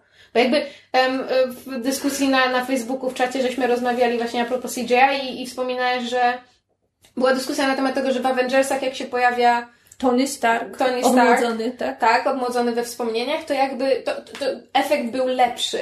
Ale tam też właśnie było. To, to, to, musi być bardzo subiektywne, bo dla mnie odmłodzony Tony Stark był przerażający. Znaczy, dla mnie najlepszy w ogóle taki efekt, jaki widzieliśmy, to był Michael Douglas w Ant-Manie. To było, z jakiegoś powodu to tam działało. Natomiast e, każdy z tych wypadków ma właśnie, znaczy każdy z tych, z tych animacji komputerowych, jakby tego nie nazwać, ma właśnie ten bardzo specyficzny to jest taki jakby. Tak. To jest właśnie jak, jak, jak, jak przypudrowany wosk, ale przypudrowany niedokładnie. To znaczy, jakby jest zbyt gładki, ale zbyt błyszczący. Dobra, teraz już w jakieś straszne tangenty poszliśmy. Um, tak, ale w każdym razie komputerowe animacje są B, natomiast y, walki myśliwców w finale są zajebiste. W ogóle ujęcia z, z kabiny myśliwców, jak one tam latają nad tymi, z tymi, tą bramą kosmiczną, tak strasznie mi się podobały. To było, to was znaczy, my fave. Dla mnie te wszystkie walki w finale i już na tej wyspie z plażą to były chyba najlepsze sceny y, batalistyczne w filmie science fiction, jakie kiedykolwiek widziałam. Żeby w science fiction, po prostu w filmie, kiedy to mi się to strasznie podobało. No i z rzeczy, które dla mnie byłyby spoilerem a propos tego filmu, to tak, to jest to, że wszyscy giną. Jakby yes. ja liczyłem, idąc na film, jakby jak dowiedziałem się, jaki jest pomysł na film, jak zobaczyłem właśnie to zdjęcie, gdzie mamy ten parszywe półtuzina galaktyczne, myślałem sobie, dobra, jeśli chcą być wierni konwencji, Zabiją. trzy czwarte musi zginąć. Ale Naprawdę nie spodziewałem się, że wybiją wszystkich. Znaczy, zwłaszcza, że to jest zaznaczyć, że ja nie powiedziałam w części bezspoilerowej, że giną wszyscy. Ja tylko powiedziałam, że, że pewne postacie no, giną. No, to tak, było do tak. przewidzenia, ale ja też nie, nie, mnie to tak strasznie, strasznie zasmuciło, że oni jednak poszli w tą stronę ja, znaczy, ja byłem, przy, znaczy, właśnie ja byłem przekonany, że większość wybiją. E, myślałem, że e, zginie też e, Kasjan ale że ktoś przeżyje, że główna znaczy, bohaterka tak, chociaż że, przeżyje. Tak, że Jin, jakoś, że Jin jakoś z tego wyjdzie, ale w momencie, kiedy tam, nie wiem, Vader chyba wydaje rozkaz na zasadzie, żeby zniszczyć tę bazę, ja wewnętrznie zrobię tak! Zabijcie ich wszystkich, ponieważ mi zależy na tych postaciach i chcę, żeby zginęły.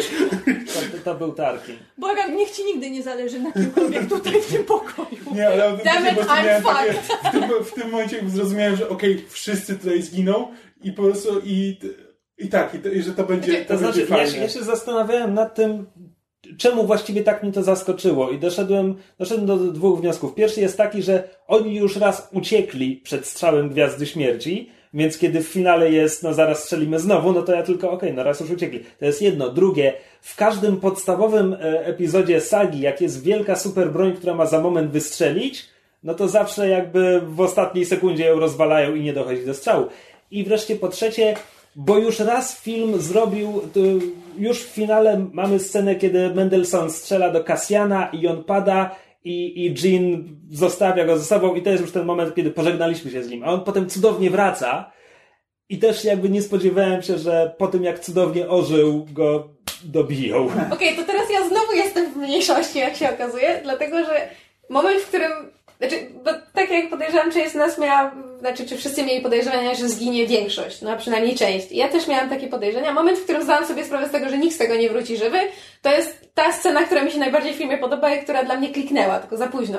I to jest moment, kiedy e, Jean jest na tej Radzie Sojuszu i oni mówią, że słuchaj, że nie, że nie da rady, że jesteśmy za mali w ogóle i ona idzie do, do, do tego tam ich e, transportera i przychodzi Kasjan z, z grupą pilotów i mówi, że Czekaj, jak on to mówi? Jest, jakaś, jest taki piękny żołnierzy. tekst.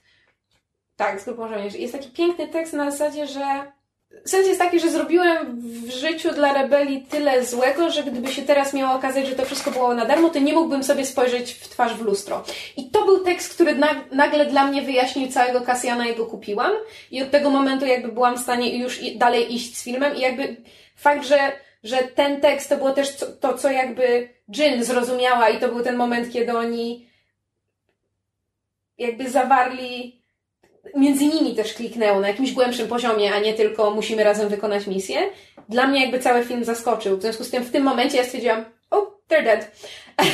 A to ciekawe, że akurat w tym momencie. Dla mnie ta scena też była ważna, bo to I, było... To była... mogę skończyć, bo a propos tego, że zaskoczyło i że między nimi było to takie głębsze kliknięcie i ja stwierdziłam, u, tak, w związku z tym, znaczy ja, się, ja, ja absolutnie nie kłócę się z tym, że końcówka jest strasznie smutna, ale dla mnie jest w tym tak piękna poezja, że gdyby ten film się skończył w jakikolwiek inny sposób niż oni wychodzą razem na tę plażę i się przytulają, to ja bym chyba strzeliła focha. Znaczy, nie żebym wiedziała, no bo dostałabym tamtą wersję, ale jest to dokładnie to, co ja chciałam dostać. I tylko żałuję, że nie mogłam się rozbeczyć. Znaczy, że nie ruszyło mnie to aż tak bardzo, jak mogłoby płaczesz na wszystkim. Ja wiem! Czy ty, nie, czy ty nie rozumiesz, Krzysiek, jak ja jestem sfrustrowana, że na mnie ten film nie działa? Spokojnie, płakałyśmy za tak. ciebie. Ja myślę, że tym problemem było to, że y, siedziałeś z tyłu z naszymi rodzicami, a nie z nami i miałeś zupełnie inną energię z, z tyłu. Nie siedziałaś obok rzędu. oci. Siedzenie obok Ale słyszałam plus, plus 50 do łkania po prostu. Natomiast z takich poetyckich zakończeń to mi też się bardzo podoba, że Mendelssohn zdążył zginąć też przez Gwiazdę Śmierci. Bo, bo to jest, zasadniczo też byłem przekonany, że Kasjan już go zastrzelił, a on też cudownie ożył tylko po to, żeby, żeby zobaczyć, jak go jego własne dzieło wykańcza. To było bardzo ładne. Mm. I wreszcie, czemu dałem się temu wszystkiemu zaskoczyć? Bo mnie, spoiler do Serenity, nauczyło, że kiedy Alan Tudyk ginie pierwszy, to reszta przeżyje. Ojej, ale ty nawet, nawet śmierć robota, no tak nie, nie, nie, śmierć no, robota mną trząchnęła najbardziej. Strasznie, bo te wszystkie śmierci mną trząchnęły. Najpierw była śmierć robota. Na, na, niej się najbardziej skupili, bo jakby cała reszta tych śmierci to była taka, taka bardzo typowo filmowa, jakby okej, okay, dostał ranę, potem ktoś na niego patrzy, albo wiesz, last hail of bullets. No tak, a e, robot po prostu obrywa raz Tak, raz, i po prostu raz musi wykonać tą jedną czynność. Ale ta scena jest dziwna, kiedy sobie pomyślisz, dobra, ale ja oglądam film z Gwiezdnych Wojen, Arty Duty, Ar, Arty Duty. Artu Dutu.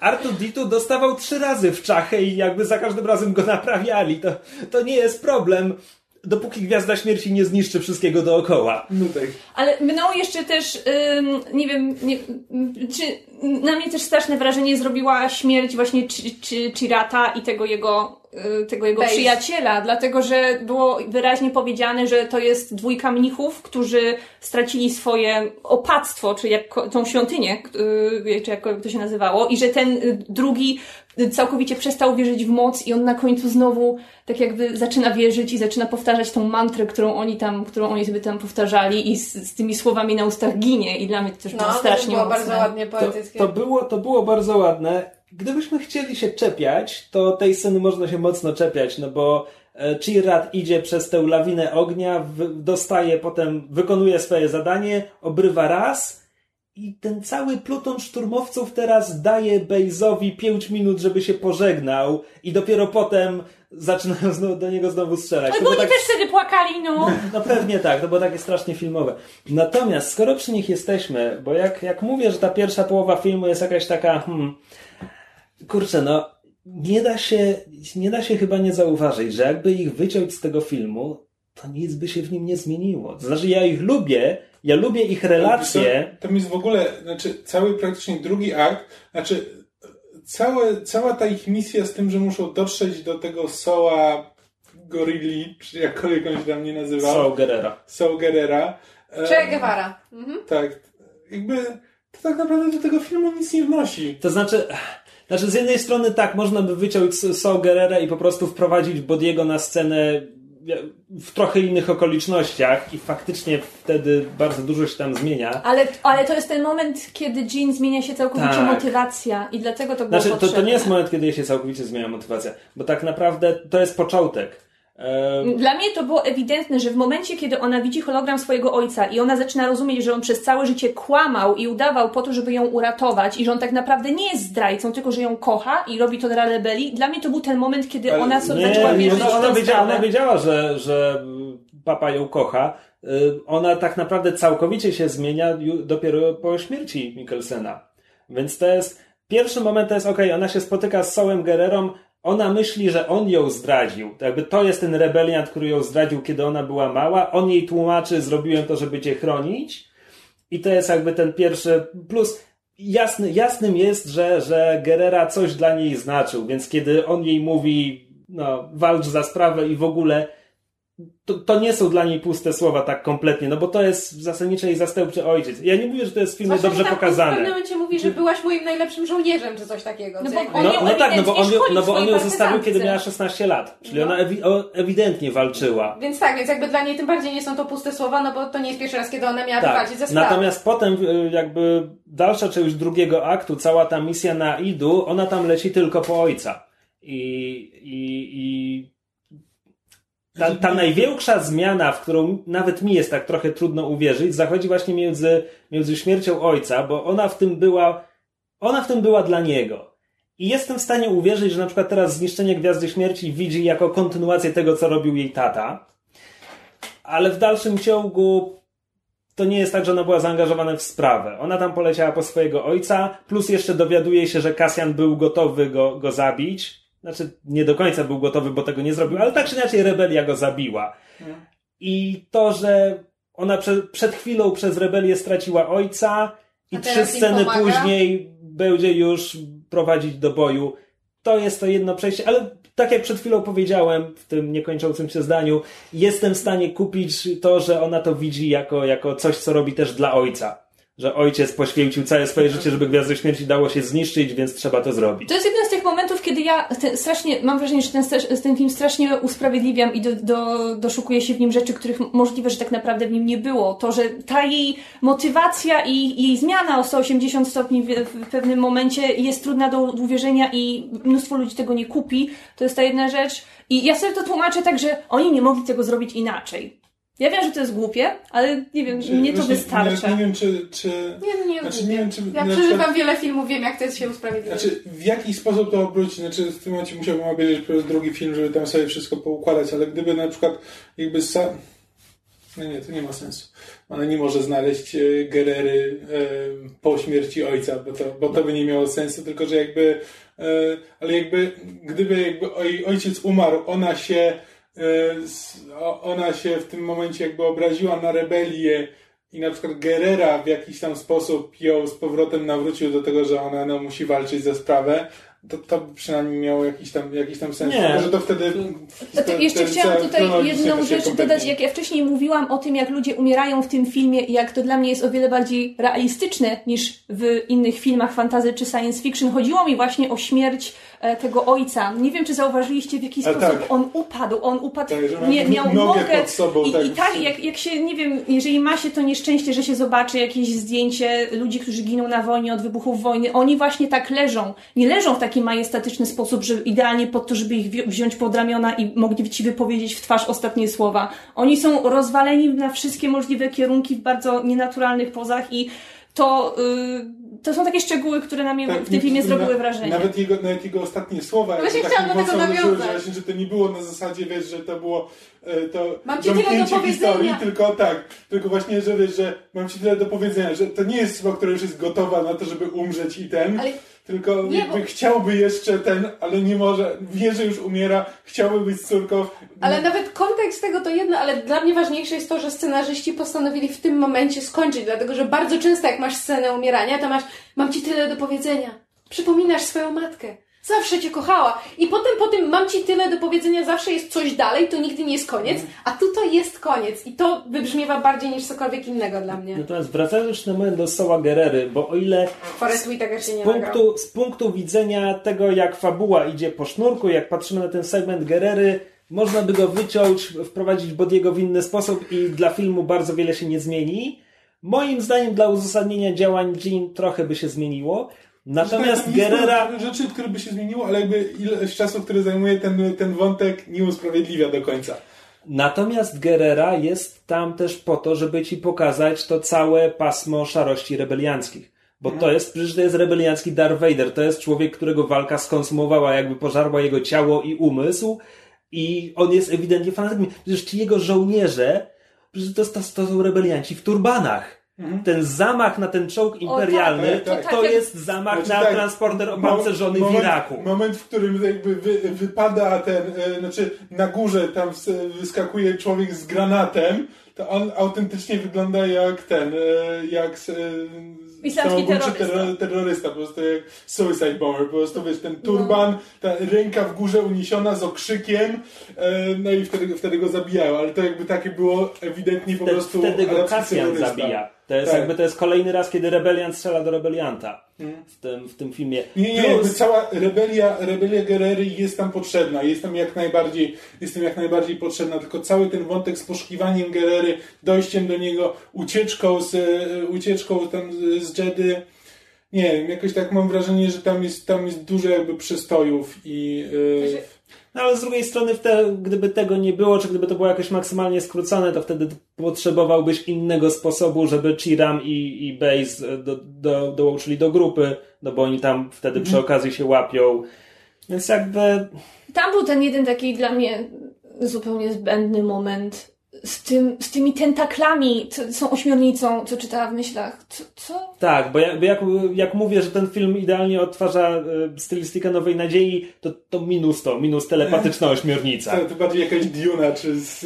Tak. Zresztą, że jakby to do niczego nie prowadzi. Nie mamy potem sugestii, że Body stracił rozum. Właśnie jest Znaczy, tam jedna scena na na, samym samym, początku. początku, a potem on już jest normalny. Ja myślałam, że on do końca tak, no, to byłoby siebie. Ja też konsekwentne. myślałem, że to, jakby, że to będzie miało jakiś wpływ na jego postać, czy na, na inne, na, na, na losy bohaterów, to, że on tam trochę stracił rozum. Ale nie, on tylko tam na początku nie Ale pamięta, to jest tylko ci, po to, żeby ci pokazać, że masz tutaj rebelianta, który torturuje jeńca. Tylko wymyślili tę metodę tortur.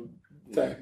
Przekombinowali. Przekombinowali kompletnie. No bo w ostatecznym rozrachunku wychodzi na to, że ona wcale nie jest jakaś inwazyjna i nie wychodzi na to, że ten... No, była, była dość inwazyjna. No bo na chwilę zaczął się zachowywać, jakby był troszeczkę, troszeczkę zwariowany, tak? Ale potem mu szybko przeszło, więc. Poza tym, czy wyciąganie z niego jakichkolwiek informacji coś mu dało, bo ta ośmiornica powinna była wtedy powiedzieć, że tak, Body nie kłamie Znaczy- i on chce im naprawdę pomóc, No. a potem i tak siedzi w więzieniu. No tak, ale Gerera jest paranoikiem, więc nawet jeśli ośmiornica mu powiedziała, on mówi prawdę, to Gerera zaczął się zastanawiać, kurczę, nawet ośmiornica mnie okłamuje.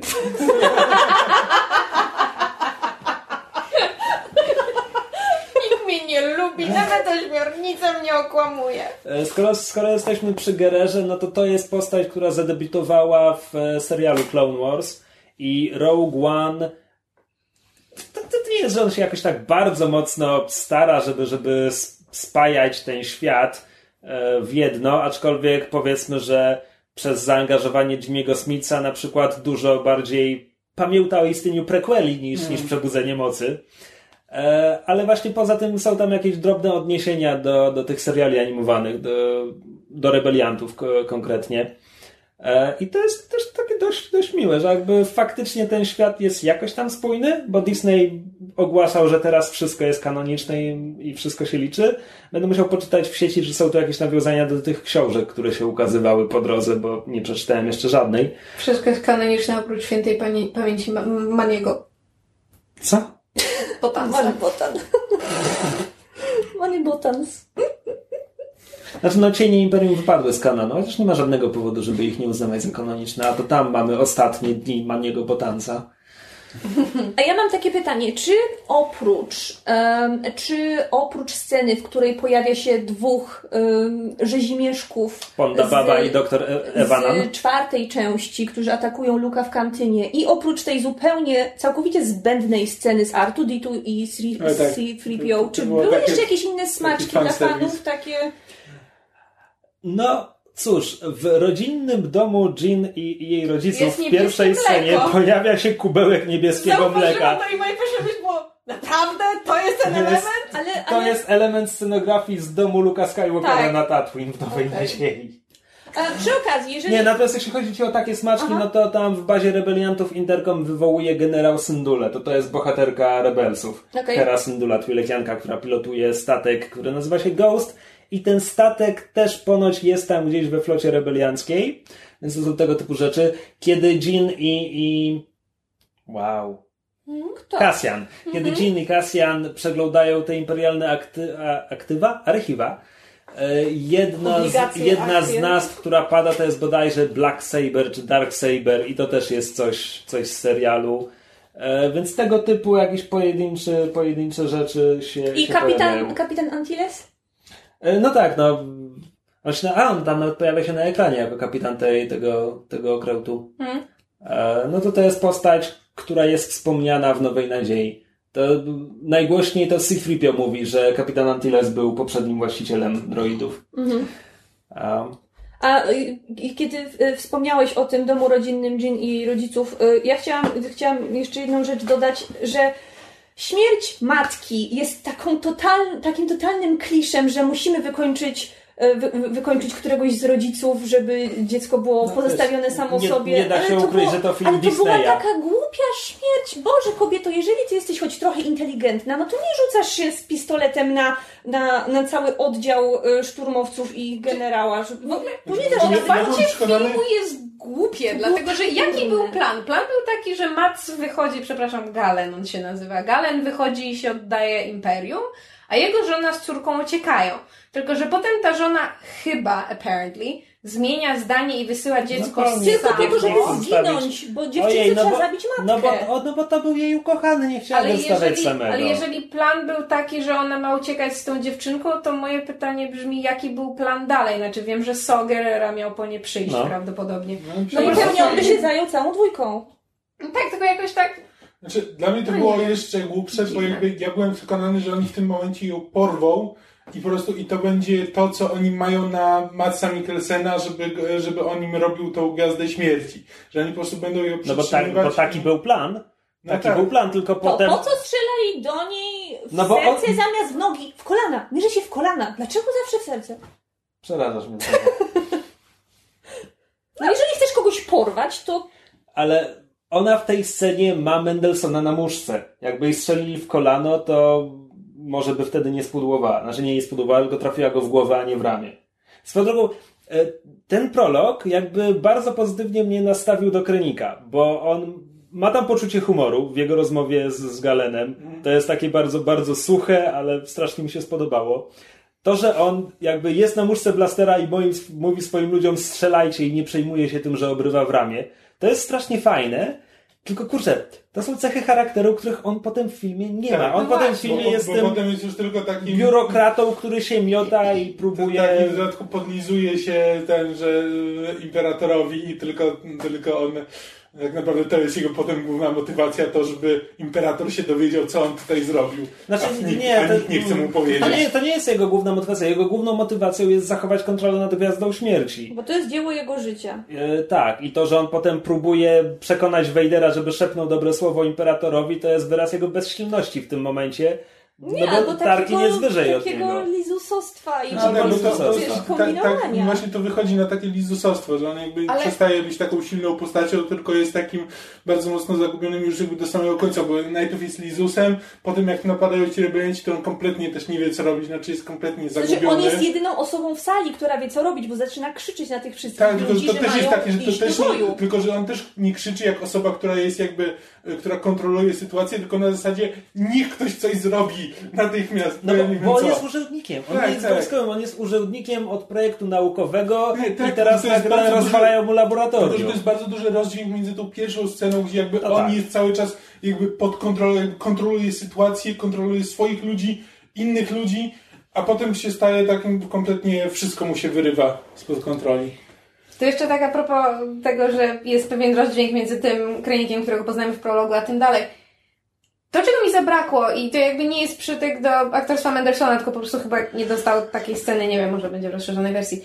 Mianowicie, bo w filmie mamy jeden flashback Jin, która ma sen, przypomina sobie, że jakby Krenik u nich bywał, kiedy jej ojciec był legitnym e, wykonawcą tam, e, czy tam architektem, whatever, Imperium, no to prawda jest ta scena, kiedy, kiedy Galen Lyra, czyli mama, mama i Krenik tam wszyscy piją i sobie żartują, więc mamy jakby sugestię, że oni się przyjaźnili, No to był taki kontaktowali. Koledzy z pracy. No tak, To taki a, aspekt a trochę. potem na sam, e, a, a potem jakby Krenik jest jakby zabrakło mi jakiegoś takiego, jakiejś takiej sceny, w której do Krenika dociera cały ciężar zarówno t- w pewnym sensie emocjonalny, jak i nie wiem, zawodowy, jakby tego nie nazwać, tego, że przez te wszystkie lata Galen go oszukiwał skutecznie i jakby, że, że No ale przez te wszystkie lata Galen nie był jego kolegą z laboratorium, tylko kimś, kto został zmuszony, żeby tam być. A Tak, ale właśnie jakby nie ma jakby, nie, nie było tam żadnej reakcji ani zaskoczenia na zasadzie, jak to mój podwładny, którego myślałem, że mam pod butem, mnie zdradził, to nie do pomyślenia. Ani nie było też takiej sceny na zasadzie, cholera jasna, myślałem, że jestem taki zajebisty, a dałem się podejść jak dziecko. Powiem wam, że przy tej scenie, kiedy był ten, f- te, te, ten jej sen i y, wyraźnie była zaznaczona jej matka w tej wizji, jaka ona jest, y, y, no, jak, jak źle znosi tą całą sytuację i była i był, też, był też tam ten, e, jak Krenik. Krenik. Ja przez chwilę miałam tą myśl, ale szybko się jej Że pozbyłam, rodzeństwem? że on jest jej ojcem, ale A. stwierdziłam, nie, nie będzie Nie, takiego ja myślałam- że on jej nagle powie, to ja jestem twoim ojcem w kolejnym Ja filmie. jakiegoś, przez moment z jakiegoś powodu myślałam, że Lyra, czy tam Lyra i Krenik są rodzeństwem. Nie wiem dlaczego. Też nie wiem dlaczego. Motyw rodziny jest strong in Star Nie, Wars. nie w tym filmie. Nie w tym filmie. Właśnie, a y, ty, bo ja o tym wspominałem w wypadku tym bez, y, bezspoilerowym, tylko chciałem, że może ktoś mi wyjaśni, bo tam jest ta scena, w której Base mówi do Jin, y, czy ten, że A, nazywają go siostrzyczką. siostrzyczką. Ale jak on to powiedział po angielsku? Little było- sister. Little Tak, sister. Bo to I on, to, Little I on to Sister. jakby mówi takie że, że zawiesza głos i mówi tak jakby to miało coś dla niej znaczyć. To, to, Ja tutaj jest tak widzę- jakby tam była jakaś scena. Al, której- albo wypadła jakaś scena, albo zastanawiam się, czy nie przepisywali scenariusza i im cholera coś zostało ze starej wersji, bo zobacz, Base przyłącza się do nich na, na Jedzie. Zastanawiam się, czy w jakiejś wersji scena, scenariusza Base nie miał być żołnierzem Gerery, bo wtedy oni mogliby się znać z czasów, kiedy, kiedy Jean była małą dziewczynką wśród żołnierzy Gerery. I wtedy to miałoby sens. A tak jak jest w filmie, to nie. Nie, Nie, nie ma bardzo. To sensu. jest taka scena, która... Znaczy to jest, to, po prostu mi się skojarzyło z tym, jak ten yy, Leia obe, obejmuje tą... Yy, Ray, pierwszy Rey, raz widząc ją na oczy. Tak, właśnie, że, że po prostu, że coś gdzieś wypadło w, podczas produkcji i... A wracając jeszcze do Krenika, bo tak zazwyczaj omawiając filmy, y, jednak poruszamy kwestię tego, czy, y, czy Złol był dobrym Złolem. Czy Krenik się sprawdza jako czarny charakter? To znaczy, Tak. Dźwiga to? tak. Moim zdaniem Znaczy, tak. Ja się zgadzam z Krzyśkiem, że chętniej bym zobaczyła więcej tych cech, które wykazywał w prologu, natomiast obserwowanie tego jego miotany, miotania się pod, pod ciężarem tej hierarchii, której nie jest w stanie stawić czoła, bo jest zbyt nisko, to było fajne nawet, bo to pokazuje Imperium z, jednak z, z punktu widzenia, którego wcześniej nie widzieliśmy, a przynajmniej nie w takim stopniu. Ale to, to, to, to też jest fajne, bo tam jest taka symetria. On zmusza Galena, żeby dla niego robił przez, przez 15 lat. A potem ktoś mu to zabiera. Tak, a potem sam się orientuje teraz. Ja miałem pod butem Galena, a teraz ten Tarkin wyskakuje i. Ale jak to? Przecież, przecież ja to zrobiłem, no. To je moje. A natomiast jak mówiłem o odniesieniach do, do tam seriali i w ogóle e, Cytadela Vadera, e, Niepodpisana planeta, nie, która cię tak Niepodpisana dręczy. planeta, która mnie tak dręczy. Znaczy, dręczy mnie tylko to, że w, w starym Expanded Universe coś takiego stało na planecie w Dune, w, w Jun, w Jun. E, w, nie wiem, czy pamiętasz, w Jedi Academy jest jeden poziom, który Jak, się powiedzia- jak rozgrywa. powiedziałeś w John, to skojarzyłem o, o czym mowa. Właśnie. E, I zastan- zastanawiam się po prostu, no bo to, to jest ewidentnie ten budynek. Jakby szczegóły architektoniczne mogą się nie zgadzać, ale sama idea jest ze starego Expanded Universe, a ja się zawsze cieszę, kiedy coś biorą z, ze starego Expanded Universe, tak jak Admirała Trauna, który jest teraz absolutnie kanoniczni. Kanoniczny? Kanoniczny. E, więc, e, więc nie wiem, co chciałem powiedzieć. Właśnie, Vader. Ja się zastanawiałem, na ile on będzie w tym filmie potrzebny. Bo ta jego pierwsza scena to jest trochę Mendelssohn tam przylatuje, żeby pogadać z nim minutę i żeby Vader mógł go poddusić. I to było takie strasznie jakieś nijakie, bo zastanawiałem się nad końcówką filmu, bo kiedy wyszedłem z kina, długo nie mogłem się dojść do wniosku, czy, czy mi się podoba, że jakby że ten film jest tak bardzo bezpośrednio prequelem Nowej Nadziei, że jakby dosłownie gdyby Rogue One trwało jedną scenę dłużej, to ta scena to byłaby właśnie pierwsza scena Nowej Nadziei, bo film się w tym miejscu kończy. A i tak sobie potem pomyślałem, plus ja dopiero co wysmażyłem na, na stronę myszmaszową ten tekst o, o mieczach świetlnych i tym, jak Jedi są pokazani w filmach i w ogóle, e, gdzie, gdzie stwierdzałem, że byłbym na, najszczęśliwszy, gdyby, gdyby w Rogue One nie pojawił się żaden zapalony miecz świetlny. Ale potem tak sobie myślę, że ta, ta ostatnia scena z Vaderem wyżynającym ten tłumek rebeliantów jakby po pierwsze uzasadnia, czemu w ogóle Vader jest w tym filmie, bo to jest, to jest krótkie, brutalne. Jakby, jakby było go więcej w tym filmie, to moim zdaniem efekt by się kompletnie rozmył. Mhm. A ponieważ to jest taka krótka, bardzo esencjonalna A nie scena, byłoby lepiej, gdyby było tylko ta scena z finału? a to wtedy wyskakuje To tak kompletnie znikąd. Nie, pytam się, bo... To- to- to Znaczy, ja, nie mam tylko, ja mam tylko jedną e, uwagę do tej sceny e, negatywną.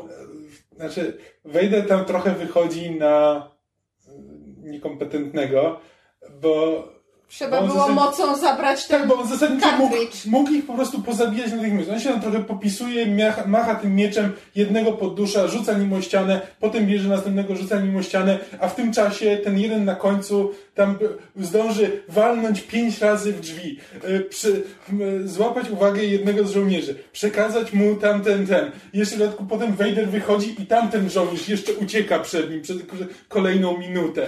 I jakby Tym bardziej, że tam chyba Tak. nawet była scena, że on mocą wyrywał im blastery, a nie wyrwał mu tej karty z ręki. Tak, tak, no jakby, to jest po e, prostu- tak, że ta scena, wiesz, no fajnie, że Vader jest tam badasem, tylko że Jest nie po to tam przyszedł. Tak, tylko jeśli, jeśli wspomnimy Nową Nadzieję, Vader gardzi Gwiazdą Śmierci. Ja się zastanawiam, na ile mu zależy w tej scenie. On tutaj przyszedł, żeby posprzątać po innych ludziach, którymi gardzi, żeby uratować projekt, którym gardzi. Jemu się nie chce. Natomiast Paweł Opydo bardzo słusznie zauważył, że Vader w tym filmie to jest Vader z Imperium kontratakuje. To jest coś, co ja rok temu opisałem w tych swoich tekstach, gdzie przypominałem całą sagę. Jakby Vader się bardzo zmienia między Nową Nadzieją i Imperium kontratakuje. I tutaj to jest zdecydowanie ten sposób jego przedstawiania z Imperium kontratakuje, a nie z Nowej Nadziei, gdzie Czyli? jest. Przy... On w Nowej Nadziei jest przydupasem Tarkina. A, no tak. On mu podlega. On. Je, zwykli imperialni oficerowie mu pyskują. To jest coś jakby nie do pomyślenia w Imperium kontratakuje. E, więc to jest taka trochę drobna nieścisłość, ale że tak, że tak powiem, Vader z Imperium kontratakuje to jest, że tak powiem, ten Vader, którego wszyscy kojarzymy jako to, kim powinien być, więc, więc nie dziwi mnie, że pojawił się w takiej postaci tutaj. E, natomiast e, ta ostatnia sekwencja też zacząłem się zastanawiać. To nie jest tak, że mówię od razu, że to byłby lepszy film, ale zacząłem się zastanawiać, jak wyglądałby film, który naprawdę byłby o rebelii jako bohaterze zbiorowym. I właśnie zacząłem się nad tym zastanawiać przez tę ostatnią sekwencję, gdzie po prostu ci kolejni Tak, umierający tak, tak, rebelianci tak, tak, tak. przekazują sobie plany z rok do rok. To jest zresztą już w momencie, kiedy wszyscy główni bohaterowie filmu nie żyją. I tak sobie pomyślałem, że to jest bardzo fajne. No i jak mówię, zacząłem się zastanawiać, jak wyglądałby cały film w tej konwencji. Nie mówię, że byłby lepszy. Hmm. Znaczy, ale czy to, to, to nie, nie, nie do tego, co powiedziałeś, ale to, czy to, te plany, z którymi oni uciekali, to były jedyne plany, jakie miała rebelia w tym Tak. momencie? Tak. No to jest to, co Leia potem wkłada Artuditu. E, to jest analogowy świat. Tu nie ma, oni Mhm. tego nie prześlą przez internet, oni najwyraźniej nawet nie bardzo mogą to skopiować. Znaczy akurat kopiowanie nic by im nie pomogło, bo Vader niszczył wszystkie kolejne statki, na których te plany były, więc tutaj nie, nie, nie da rady. E, Plus, no ten film, ten film wyjaśnia parę rzeczy. Oczywiście największa rzecz to jest, że wada konstrukcyjna Gwiazdy Śmierci była celowo skonstruowana.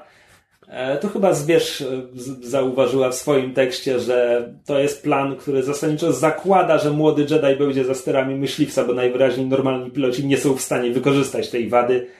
Ale kto wie, no może, może ktoś inny byłby równie zdolny co Luke, więc to nie jest aż taki problem. A są tam ujęcia, których nie potrzebowałem, bo w tej bitwie nad, e, nad Scarifem w pewnym momencie zostaje zniszczony X-Wing i mamy powiedziane, że to był pilot z kryptonimem Red 5. I najwyraźniej to był ten wakat w eskadrze, który Tak. Luke wykorzysta Ale to tydzień dokładnie to, co ja później. pomyślałem Tak. wtedy, jak usłyszałem Red 5 i on zginął, to było na zasadzie, czy oni właśnie pokazują, że teraz on zginął, więc Luke przejmuje jego kryptonim. Nat- Natomiast, natomiast coś, co ma trochę więcej sensu dla mnie, to jest pokazanie, że rebelia to jest ewidentnie jakby pan, pangalaktyczny ruch, który ma wiele różnych odłamów, y, różne zasoby, ale tutaj to jest tak trochę pokazane, że jakby rebelia miała flotę i zasadniczo straciła ją nad Scarifem. Bo tam bardzo niewiele statków zdążyło uciec stamtąd. I jasne, do powrotu Jedi odbudują swoje siły, ale to trochę wyjaśnia, czemu oni w Nowej Nadziei to jest ich główna tajna baza, a na Gwiazdę Śmierci mogą rzucić dwie eskadry myśliwców, bo zasadniczo nic innego im nie zostało po tym. I to jest jakby, to nie jest dobitnie powiedziane, e, tak jak to jest z tą wadą konstrukcyjną. E, I to mi się podoba, w sensie podoba mi się, że to nie jest dobitnie powiedziane. Tak jak chyba nie podoba mi się jednak, że to jest dobitnie powiedziane, że haha, Jan Thomas Mikkelsen to zrobił. To jest takie trochę, no nie wiem. Czy ja się jeszcze spodziewałem, ponieważ tam było dużo tych myśliwców Mon Calamari, jakby tych, tych, tych Okrętów? e, okrętów, tak, krążowników. Tak się, Nie, był tam jeden główny. Był, Znaczy, to- był statek flagowy Był- generała czy admirała Było- Raddusa. było dużo, było dużo Mon Calamari w każdym razie, jakby tych, e, ten, jakby Na tym jednym byłem, statku. Byłem, byłem przekonany, że gdzieś tam będzie jakiś, wiesz, kapitan Akbar, czy na tej zasadzie, ponieważ już i tak wrzucili tyle różnych ty, nawiązań, to, że pojawi się gdzieś tam jeszcze Akbar w jakiejś tam... Tak, na zasadzie zacznie mówić It's a shut up! I didn't... Te, nie do ciebie mówiłem. Nobody cares what you want to. Tak, tak jak, tak Tak, jak każą zamknąć się K2, kiedy on zaczyna mówić mam złe. Tak. Tak. Albo pojawi się na koniec filmu i powie It's a rap! Wow. A odnośnie jeszcze tych statyczków, mówicie to i planet, mówicie Mon Calamari, tam były korwety i tak dalej. Y, Jako ktoś, kto y, całkiem niedawno zaczął grać we wszystkie planszówki Gwiezdnych Wojen, Imperial Assault i y, to drugie. Rebellion. I Rebellion. I to tak fajnie mi się oglądało, bo ja poznawałam te statki, bo sobie myślałam, ja mam te figurki, ja grałam tymi figurkami. Tak samo jak y, te osoby, które pojawiały się przy stole do obrad, one, się, one są na kartach w Rebellionie i ja wiedziałam, kto to jest i sobie myślałam, jejku, jak fajnie. A czy, by the way, czy rozpoznaliście aktora z Sherlocka? Ja nie. Nie. Ten, e, ta, ta, ta postać e, przy, przy, przy naradzie faceta, który się wszystkiemu sprzeciwia i mówi, że on nie będzie brał w tym udziału, to jest Anderson z Sherlocka. A rzeczywiście. Tak, dobra. Ja tak patrzę na niego i takie... Znam cię, jesteś bucem, nie lubię cię, dlaczego? Tak, Tak samo, jeżeli ktoś, jeżeli ktoś oglądał House of Cards, to e, ten e, dowódca eskadry niebieskiej, który y, ginie w pewnym momencie, ten, ten, Taki z wąsem. ten z wąsem, to jest wszyscy aktor- mają wąsy. to jest aktor, który grał e, fotografa w House of Cards, czyli kochanka, e, kochanka Claire Underwood. A, Tak. widzisz. Też wyglądał znajomo. Natomiast tak, e, bo przeszliśmy przez wszystkie postaci. E, Ja bym jeszcze wrócił do Bodiego, bo to jest, e, to jest fajna postać, bo jakby nie mieliśmy dotąd kogoś, kto tak ewidentnie przeszedł z tej złej strony na dobrą. Niby film ma być tą postacią, tylko w przebudzeniu mocy to nie ma żadnego znaczenia, że on był szturmowcem. Jakby on jest szturmowcem, jest- patrzy jak szturmowcy wyżynają wioskę, mówi sobie nie będę już szturmowcem i sam zaczyna wyżynać innych szturmowców. I tam nie ma żadnej takiej hej, ja z nimi ćwiczyłem, ja ich znam od dziecka i teraz do nich strzelam. Kompletnie nic takiego nie ma. Tutaj w zasadzie Body też nie ma takiej refleksji, że strzelam do swoich kumpli, Natomiast jemu ewidentnie coś ciąży. I nigdy nie jest powiedziane co. I jak mówiłem to już wcześniej, nie, spoiler, nie spoilerowej, ale mi się to podoba. To jest Że jakby... nie wiemy, A, zwłaszcza, jaka że jest chyba powiedziane, że on jest konkretnie pilotem transportowca, więc to nie jest tak, że on jest pilotem myśliwca. Tak, on jest jakiś super ważny, ale ja sobie w głowie zdążyłam wyobrazić te wszystkie sceny, których nie mamy w filmie, ale one mogłyby się tam kiedyś znaleźć, albo w czyichś wspomnieniach, że na przykład, em, że Erco, on się nazywał? Erso? Erso, że on go na przykład spotyka i w pewnym momencie dowiaduje się, że on ma jakieś wątpliwości i on go urabia przez miesiące i tłumaczy mu, jaka, jak ważna jest ta sprawa i że może się zbuntować, może zdezerterować on może uratować całą rebelię, bo da im te plany. Ja sobie wyobraziłam, jak on go urabiał przez te wszystkie miesiące, żeby, żeby on odszedł. I mnie też nie brakuje tego, że, y, że to nie jest wyjaśnione. Tak samo jak nie brakuje mi tego, że Cassian robił złe rzeczy wcześniej, ale nie wiemy, jaka jest jego historia. I, i, to, jest, I to jest fajne w sumie. Znaczy, Że- że- mnie jedyne czego tak naprawdę no. brakowało, ale tylko jakby z osobistych pobudek, bo ja wczytuję w tę scenę więcej niż tam jest, to jest, ym, bo tak jak Krzysiek mówił, że, że Chi, Chirata, cały czas chcę mówić Chiruta, Chirrat Imue. y, Chirata i, i Bejza można by w sumie wyciąć i niewiele by film na tym stracił. Um, jakby bardzo, bardzo mi się podobała ta scena ich pożegnania. Niby była trochę sztampowa, no bo te, te sceny zazwyczaj się tak odbywają. Autentycznie, ponieważ ona trwa ze 3 minuty, przesadzam, ale niewiele, przez przynajmniej pół minuty zastanawiają się, czy się pocałują. Tylko Nie ja! byłaś Jezu, ty, to dzięki Nie, Wow. absolutnie nie. Okej, I właśnie dobra. w tym kontekście chciałam, żeby w tej relacji było więcej, bo wtedy ta końcówka ma jeszcze więcej szans wybrzmieć. Autentycznie zastanawiałem się, czy Base Znaczy, bo to pocałuje jest umierającego stare, dobre małżeństwo, które się kłóci, które się udaje, że będzie się rozstawać, że już nie będzie kontynuować dalej, ale zawsze sobie towarzyszą i zawsze są tam dla siebie. No bo to było Base, tak. Base nie chce żyć bez niego. No tak, bo, no bo to nie był człowiek, który po prostu idzie dalej walczyć, bo jego ukochany umarł. On idzie umrzeć, strzelając do tych szturmowców. Headcanon, headcanon, okej. już Nie mogli, nie mogli explicitnie powiedzieć, że gays in space, ale mamy gays in space. Przepraszam, y, a propos headcanon, jeszcze jeden headcanon. Oni się pocałowali w tej windzie. Przepraszam bardzo, ja wiem, to jest, to jest super niefeministyczne, ale w tej ostatniej scenie, kiedy oni zjeżdżają tą windą, tą windą i, i to światło tak przemyka przez te przerwy w, tym, w, w szybie, oni się pocałowali, to jest headcanon, nie mówicie mi, że było inaczej. Dlatego akurat nie potrzebuje. Cicho, headcanon. Między nimi ten romans, moim zdaniem, byłby Wiesz, trochę na siłę. Znaczy, mi się podobało, że to ma taki Pacific Rim vibe na koniec, gdzie oni się nie całują. Znaczy, mi się też to podobało, ale, Ale headcanon. ale headcanon, tak. Zwłaszcza, y, bo, bo mówimy, że mamy takie. Odczu, odczuliśmy wszyscy gay vibe y, z, z, z tej pary i y, dużo było też Nie, rozmów nie, o tym, że obsada jest taka różnorodna etnicznie i czy fajnie byłoby, gdyby jednak poszli w tą stronę. Ja wiem, że oni długo jeszcze nie pójdą w tą stronę, ale fajnie by było, gdyby. gdyby Gays in space. Tak. No, we want more gays in space. Fin, fin slash po. Make it happen. Fin slash po, make it so. Y, jeżeli, czy, Przestań. Tak. Znaczy, nie, że przestań tylko, że ja się zgadzam z myszą. Różno, ró- różnorodność etniczna, tak, ale muszę przyznać, że Chirat enough jest... Ale, no, no okej, to in- jedna sprawa, ale druga sprawa, że Chirat to jest taki stereotyp tego ślepego samuraja jednak. Tak, Mm. ale, ale zobacz, ile w Jedi jest samurajów. I i jakby Lukas inspirował, raz, że się inspirował po prostu wszystkim, co wschodnie, dwa, że inspirował się bezpośrednio Kurosawą. Więc to jest po prostu problem tego, że nagle.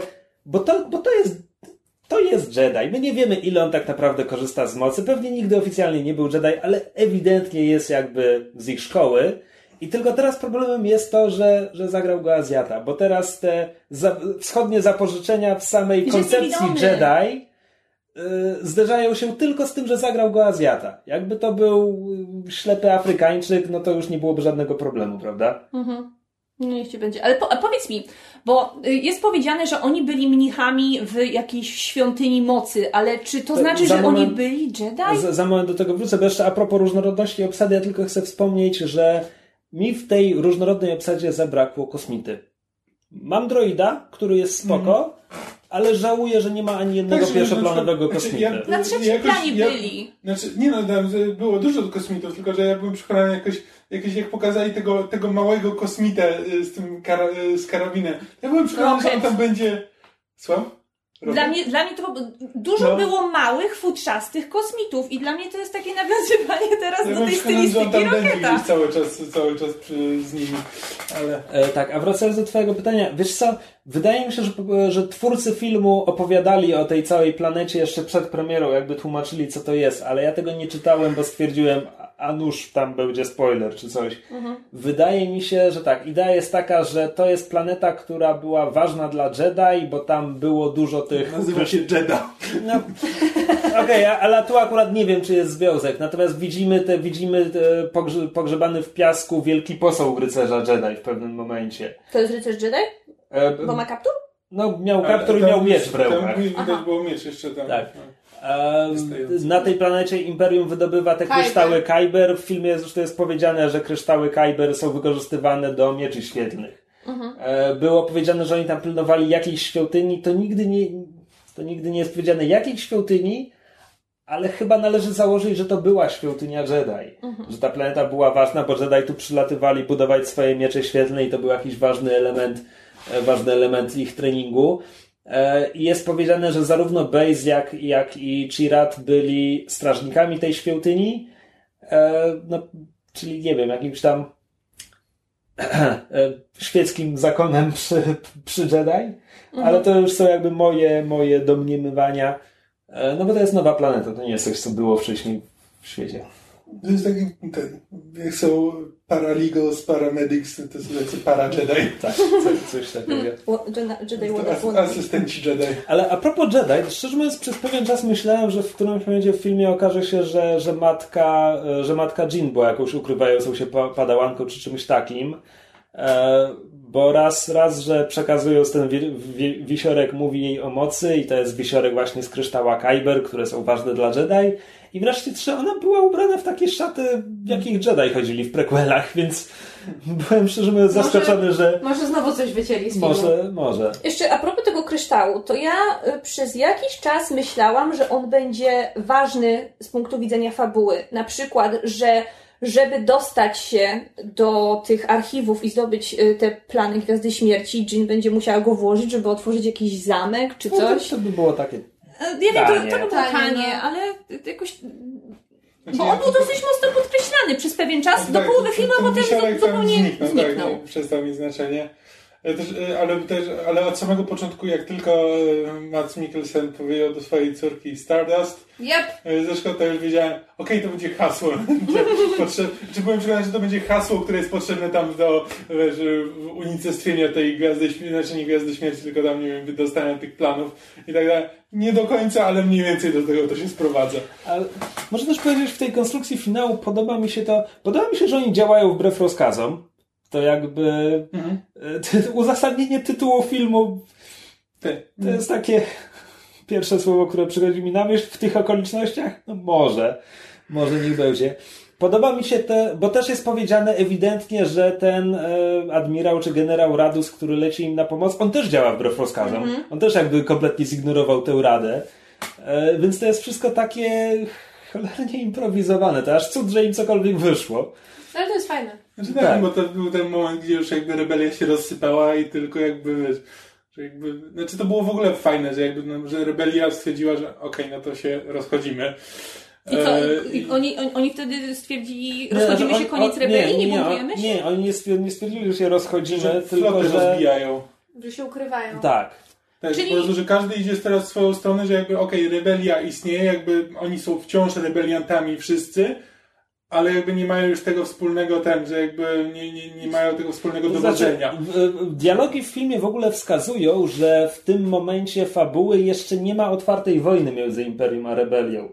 Co szczerze mówiąc trochę mi się nie zgrywa od choćby z serialem Rebelianci, który jak wiemy jest kanoniczny, a, a jest umiejscowiony 5 lat przed Nową Nadzieją, gdzie ewidentnie są działania wojenne. E, Ale tutaj e, na przykład e, Bail Organa mówi do Mon Mothmy, jak wychodzą z tego zebrania, że mi też wydaje się, że wojna jest nieunikniona. Tak jakby jeszcze jej nie prowadzili. To pewnie tutaj to, to była taka bardziej ten... e, Podjazdowa. Tak, po prostu sabotaż... e, No to jest rebelia, oni tak będą działać przez kolejne lata. Czyli tak, tylko że nigdy nie było otwartego jakby konfliktu, To na, znaczy- takiej na przykład bitwy, tak jak na, Jak, jakbym, jakbym, jakbym miał sobie dopisywać headcanon, to od razu mogę to wyjaśnić, że ponieważ rebelia jest taka e, rozczłonkowana, to że jakieś jej komórki już walczą, natomiast nie ma jeszcze ogólnego zrywu i hasła. No, Czyli oni są taką, partyzan, są taką partyzantką jak ten Guerrera cały. Tak, tylko że Gerera działa, jest wyraźnie powiedziane, że on bruździ i, imperium. i że już jest, że, że on oficjalnie się oderwał od Tak. sojuszu rebeliantów. I w ostatecznym rozrachunku wychodziłoby na to, że dopiero mając plany y, Gwiazdy Śmierci, ta rebelia się jednoczy i stworzy jakiś wspólny front, dobrze rozumiem. No, sorta, tak. kinda. No. Znaczy to jest też, znowu cofam się do starego Expanded Universe, ale jakby zniszczenie Alderanu w Nowej Nadziei jest tym momentem, kiedy, kiedy jakby ogół społeczeństwa galaktycznego już przyznaje rebeliantom rację, że okej, trzeba walczyć.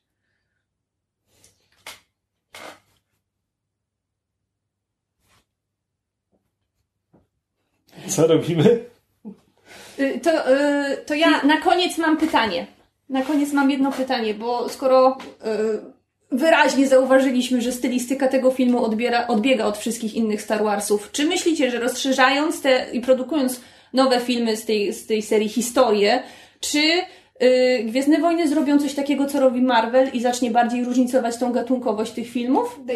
Ja bym, ja bym powiedział, że już zrobili. Biorąc pod uwagę, jak Rogue One różni się od ogólnych epizodów, to Tak, już tak, jest o to, mi, większa o to mi różnica chodzi, niż... że to jest e, pierwszy krok, tak, ale to czy na będzie- przykład Han Solo i inne no, E, planowane Było, było już inne? powiedziane. E, Producenci już powiedzieli, jaki kierunek ogólna myśl im przyświeca przy, przy filmie o Hanie Solo i wskazywali na klasyczne westerny jako jedną inspirację i obrazy, zabij, nie pamiętam, malarza, ale właśnie kogoś prezentującego Dziki Zachód, jeśli się nie mylę, które cechują się jakąś taką bardzo charakterystyczną, e, nasyconą paletą barw, że to jest kierunek, w którym myślą o filmie Hanna Solo. Czyli pewnie Może być będzie... taki Firefly w świecie Czyli coś bardzo lekkiego. bardzo dobrze. No, ja bym bardzo... Chciałbym, Będzie- Po prostu jakiś hajst, taki mm, hajst na dzikim zachodzie. Wiemy, że będzie tam dobry Lando Calrissian, więc Maverick w kosmosie. jestem dobrej No, na myśli. przykład. No. I tym e, e, przemyśleniem kończymy naszą długą, e, wnikliwą, głęboką, e, polaryzującą dyskusję na temat e, Star Wars, his, przepraszam, Gwiezdne Wojny, historię, Rogue One, whatever the title is. Jakby to powiedział Kamil, udając admirała Akbara, it's a wrap! Wow. Już myślałam, że uda nam się uniknąć tego Zuchara, ale dziękuję, że go przywołałeś Proszę bardzo. E, dziękujemy Wam bardzo za uwagę. Czekamy na Wasze e, komentarze, jak Wam się film podobał, czy jesteście team e, wszyscy, czy biedna samotna mysza. e, Rogue mysza. Rogue mysza. That's actually funny, dlatego że mój nick w angielskim internecie to jest Rogue Mouse, which is so poetic i na tym akcencie kończymy dzisiejszy odcinek. Dziękujemy Wam bardzo za uwagę. Dziękujemy Megu za obecność i za czynny, e, fantastyczny udział w naszej dyskusji i do usłyszenia się z Wami w przyszłym tygodniu. That's not how a podcast works, but fuck it. Do usłyszenia się. Oh, shush. Pożegnaj się ładnie. Nie mówisz do zobaczenia się. Papa! Pa, pa! Cześć.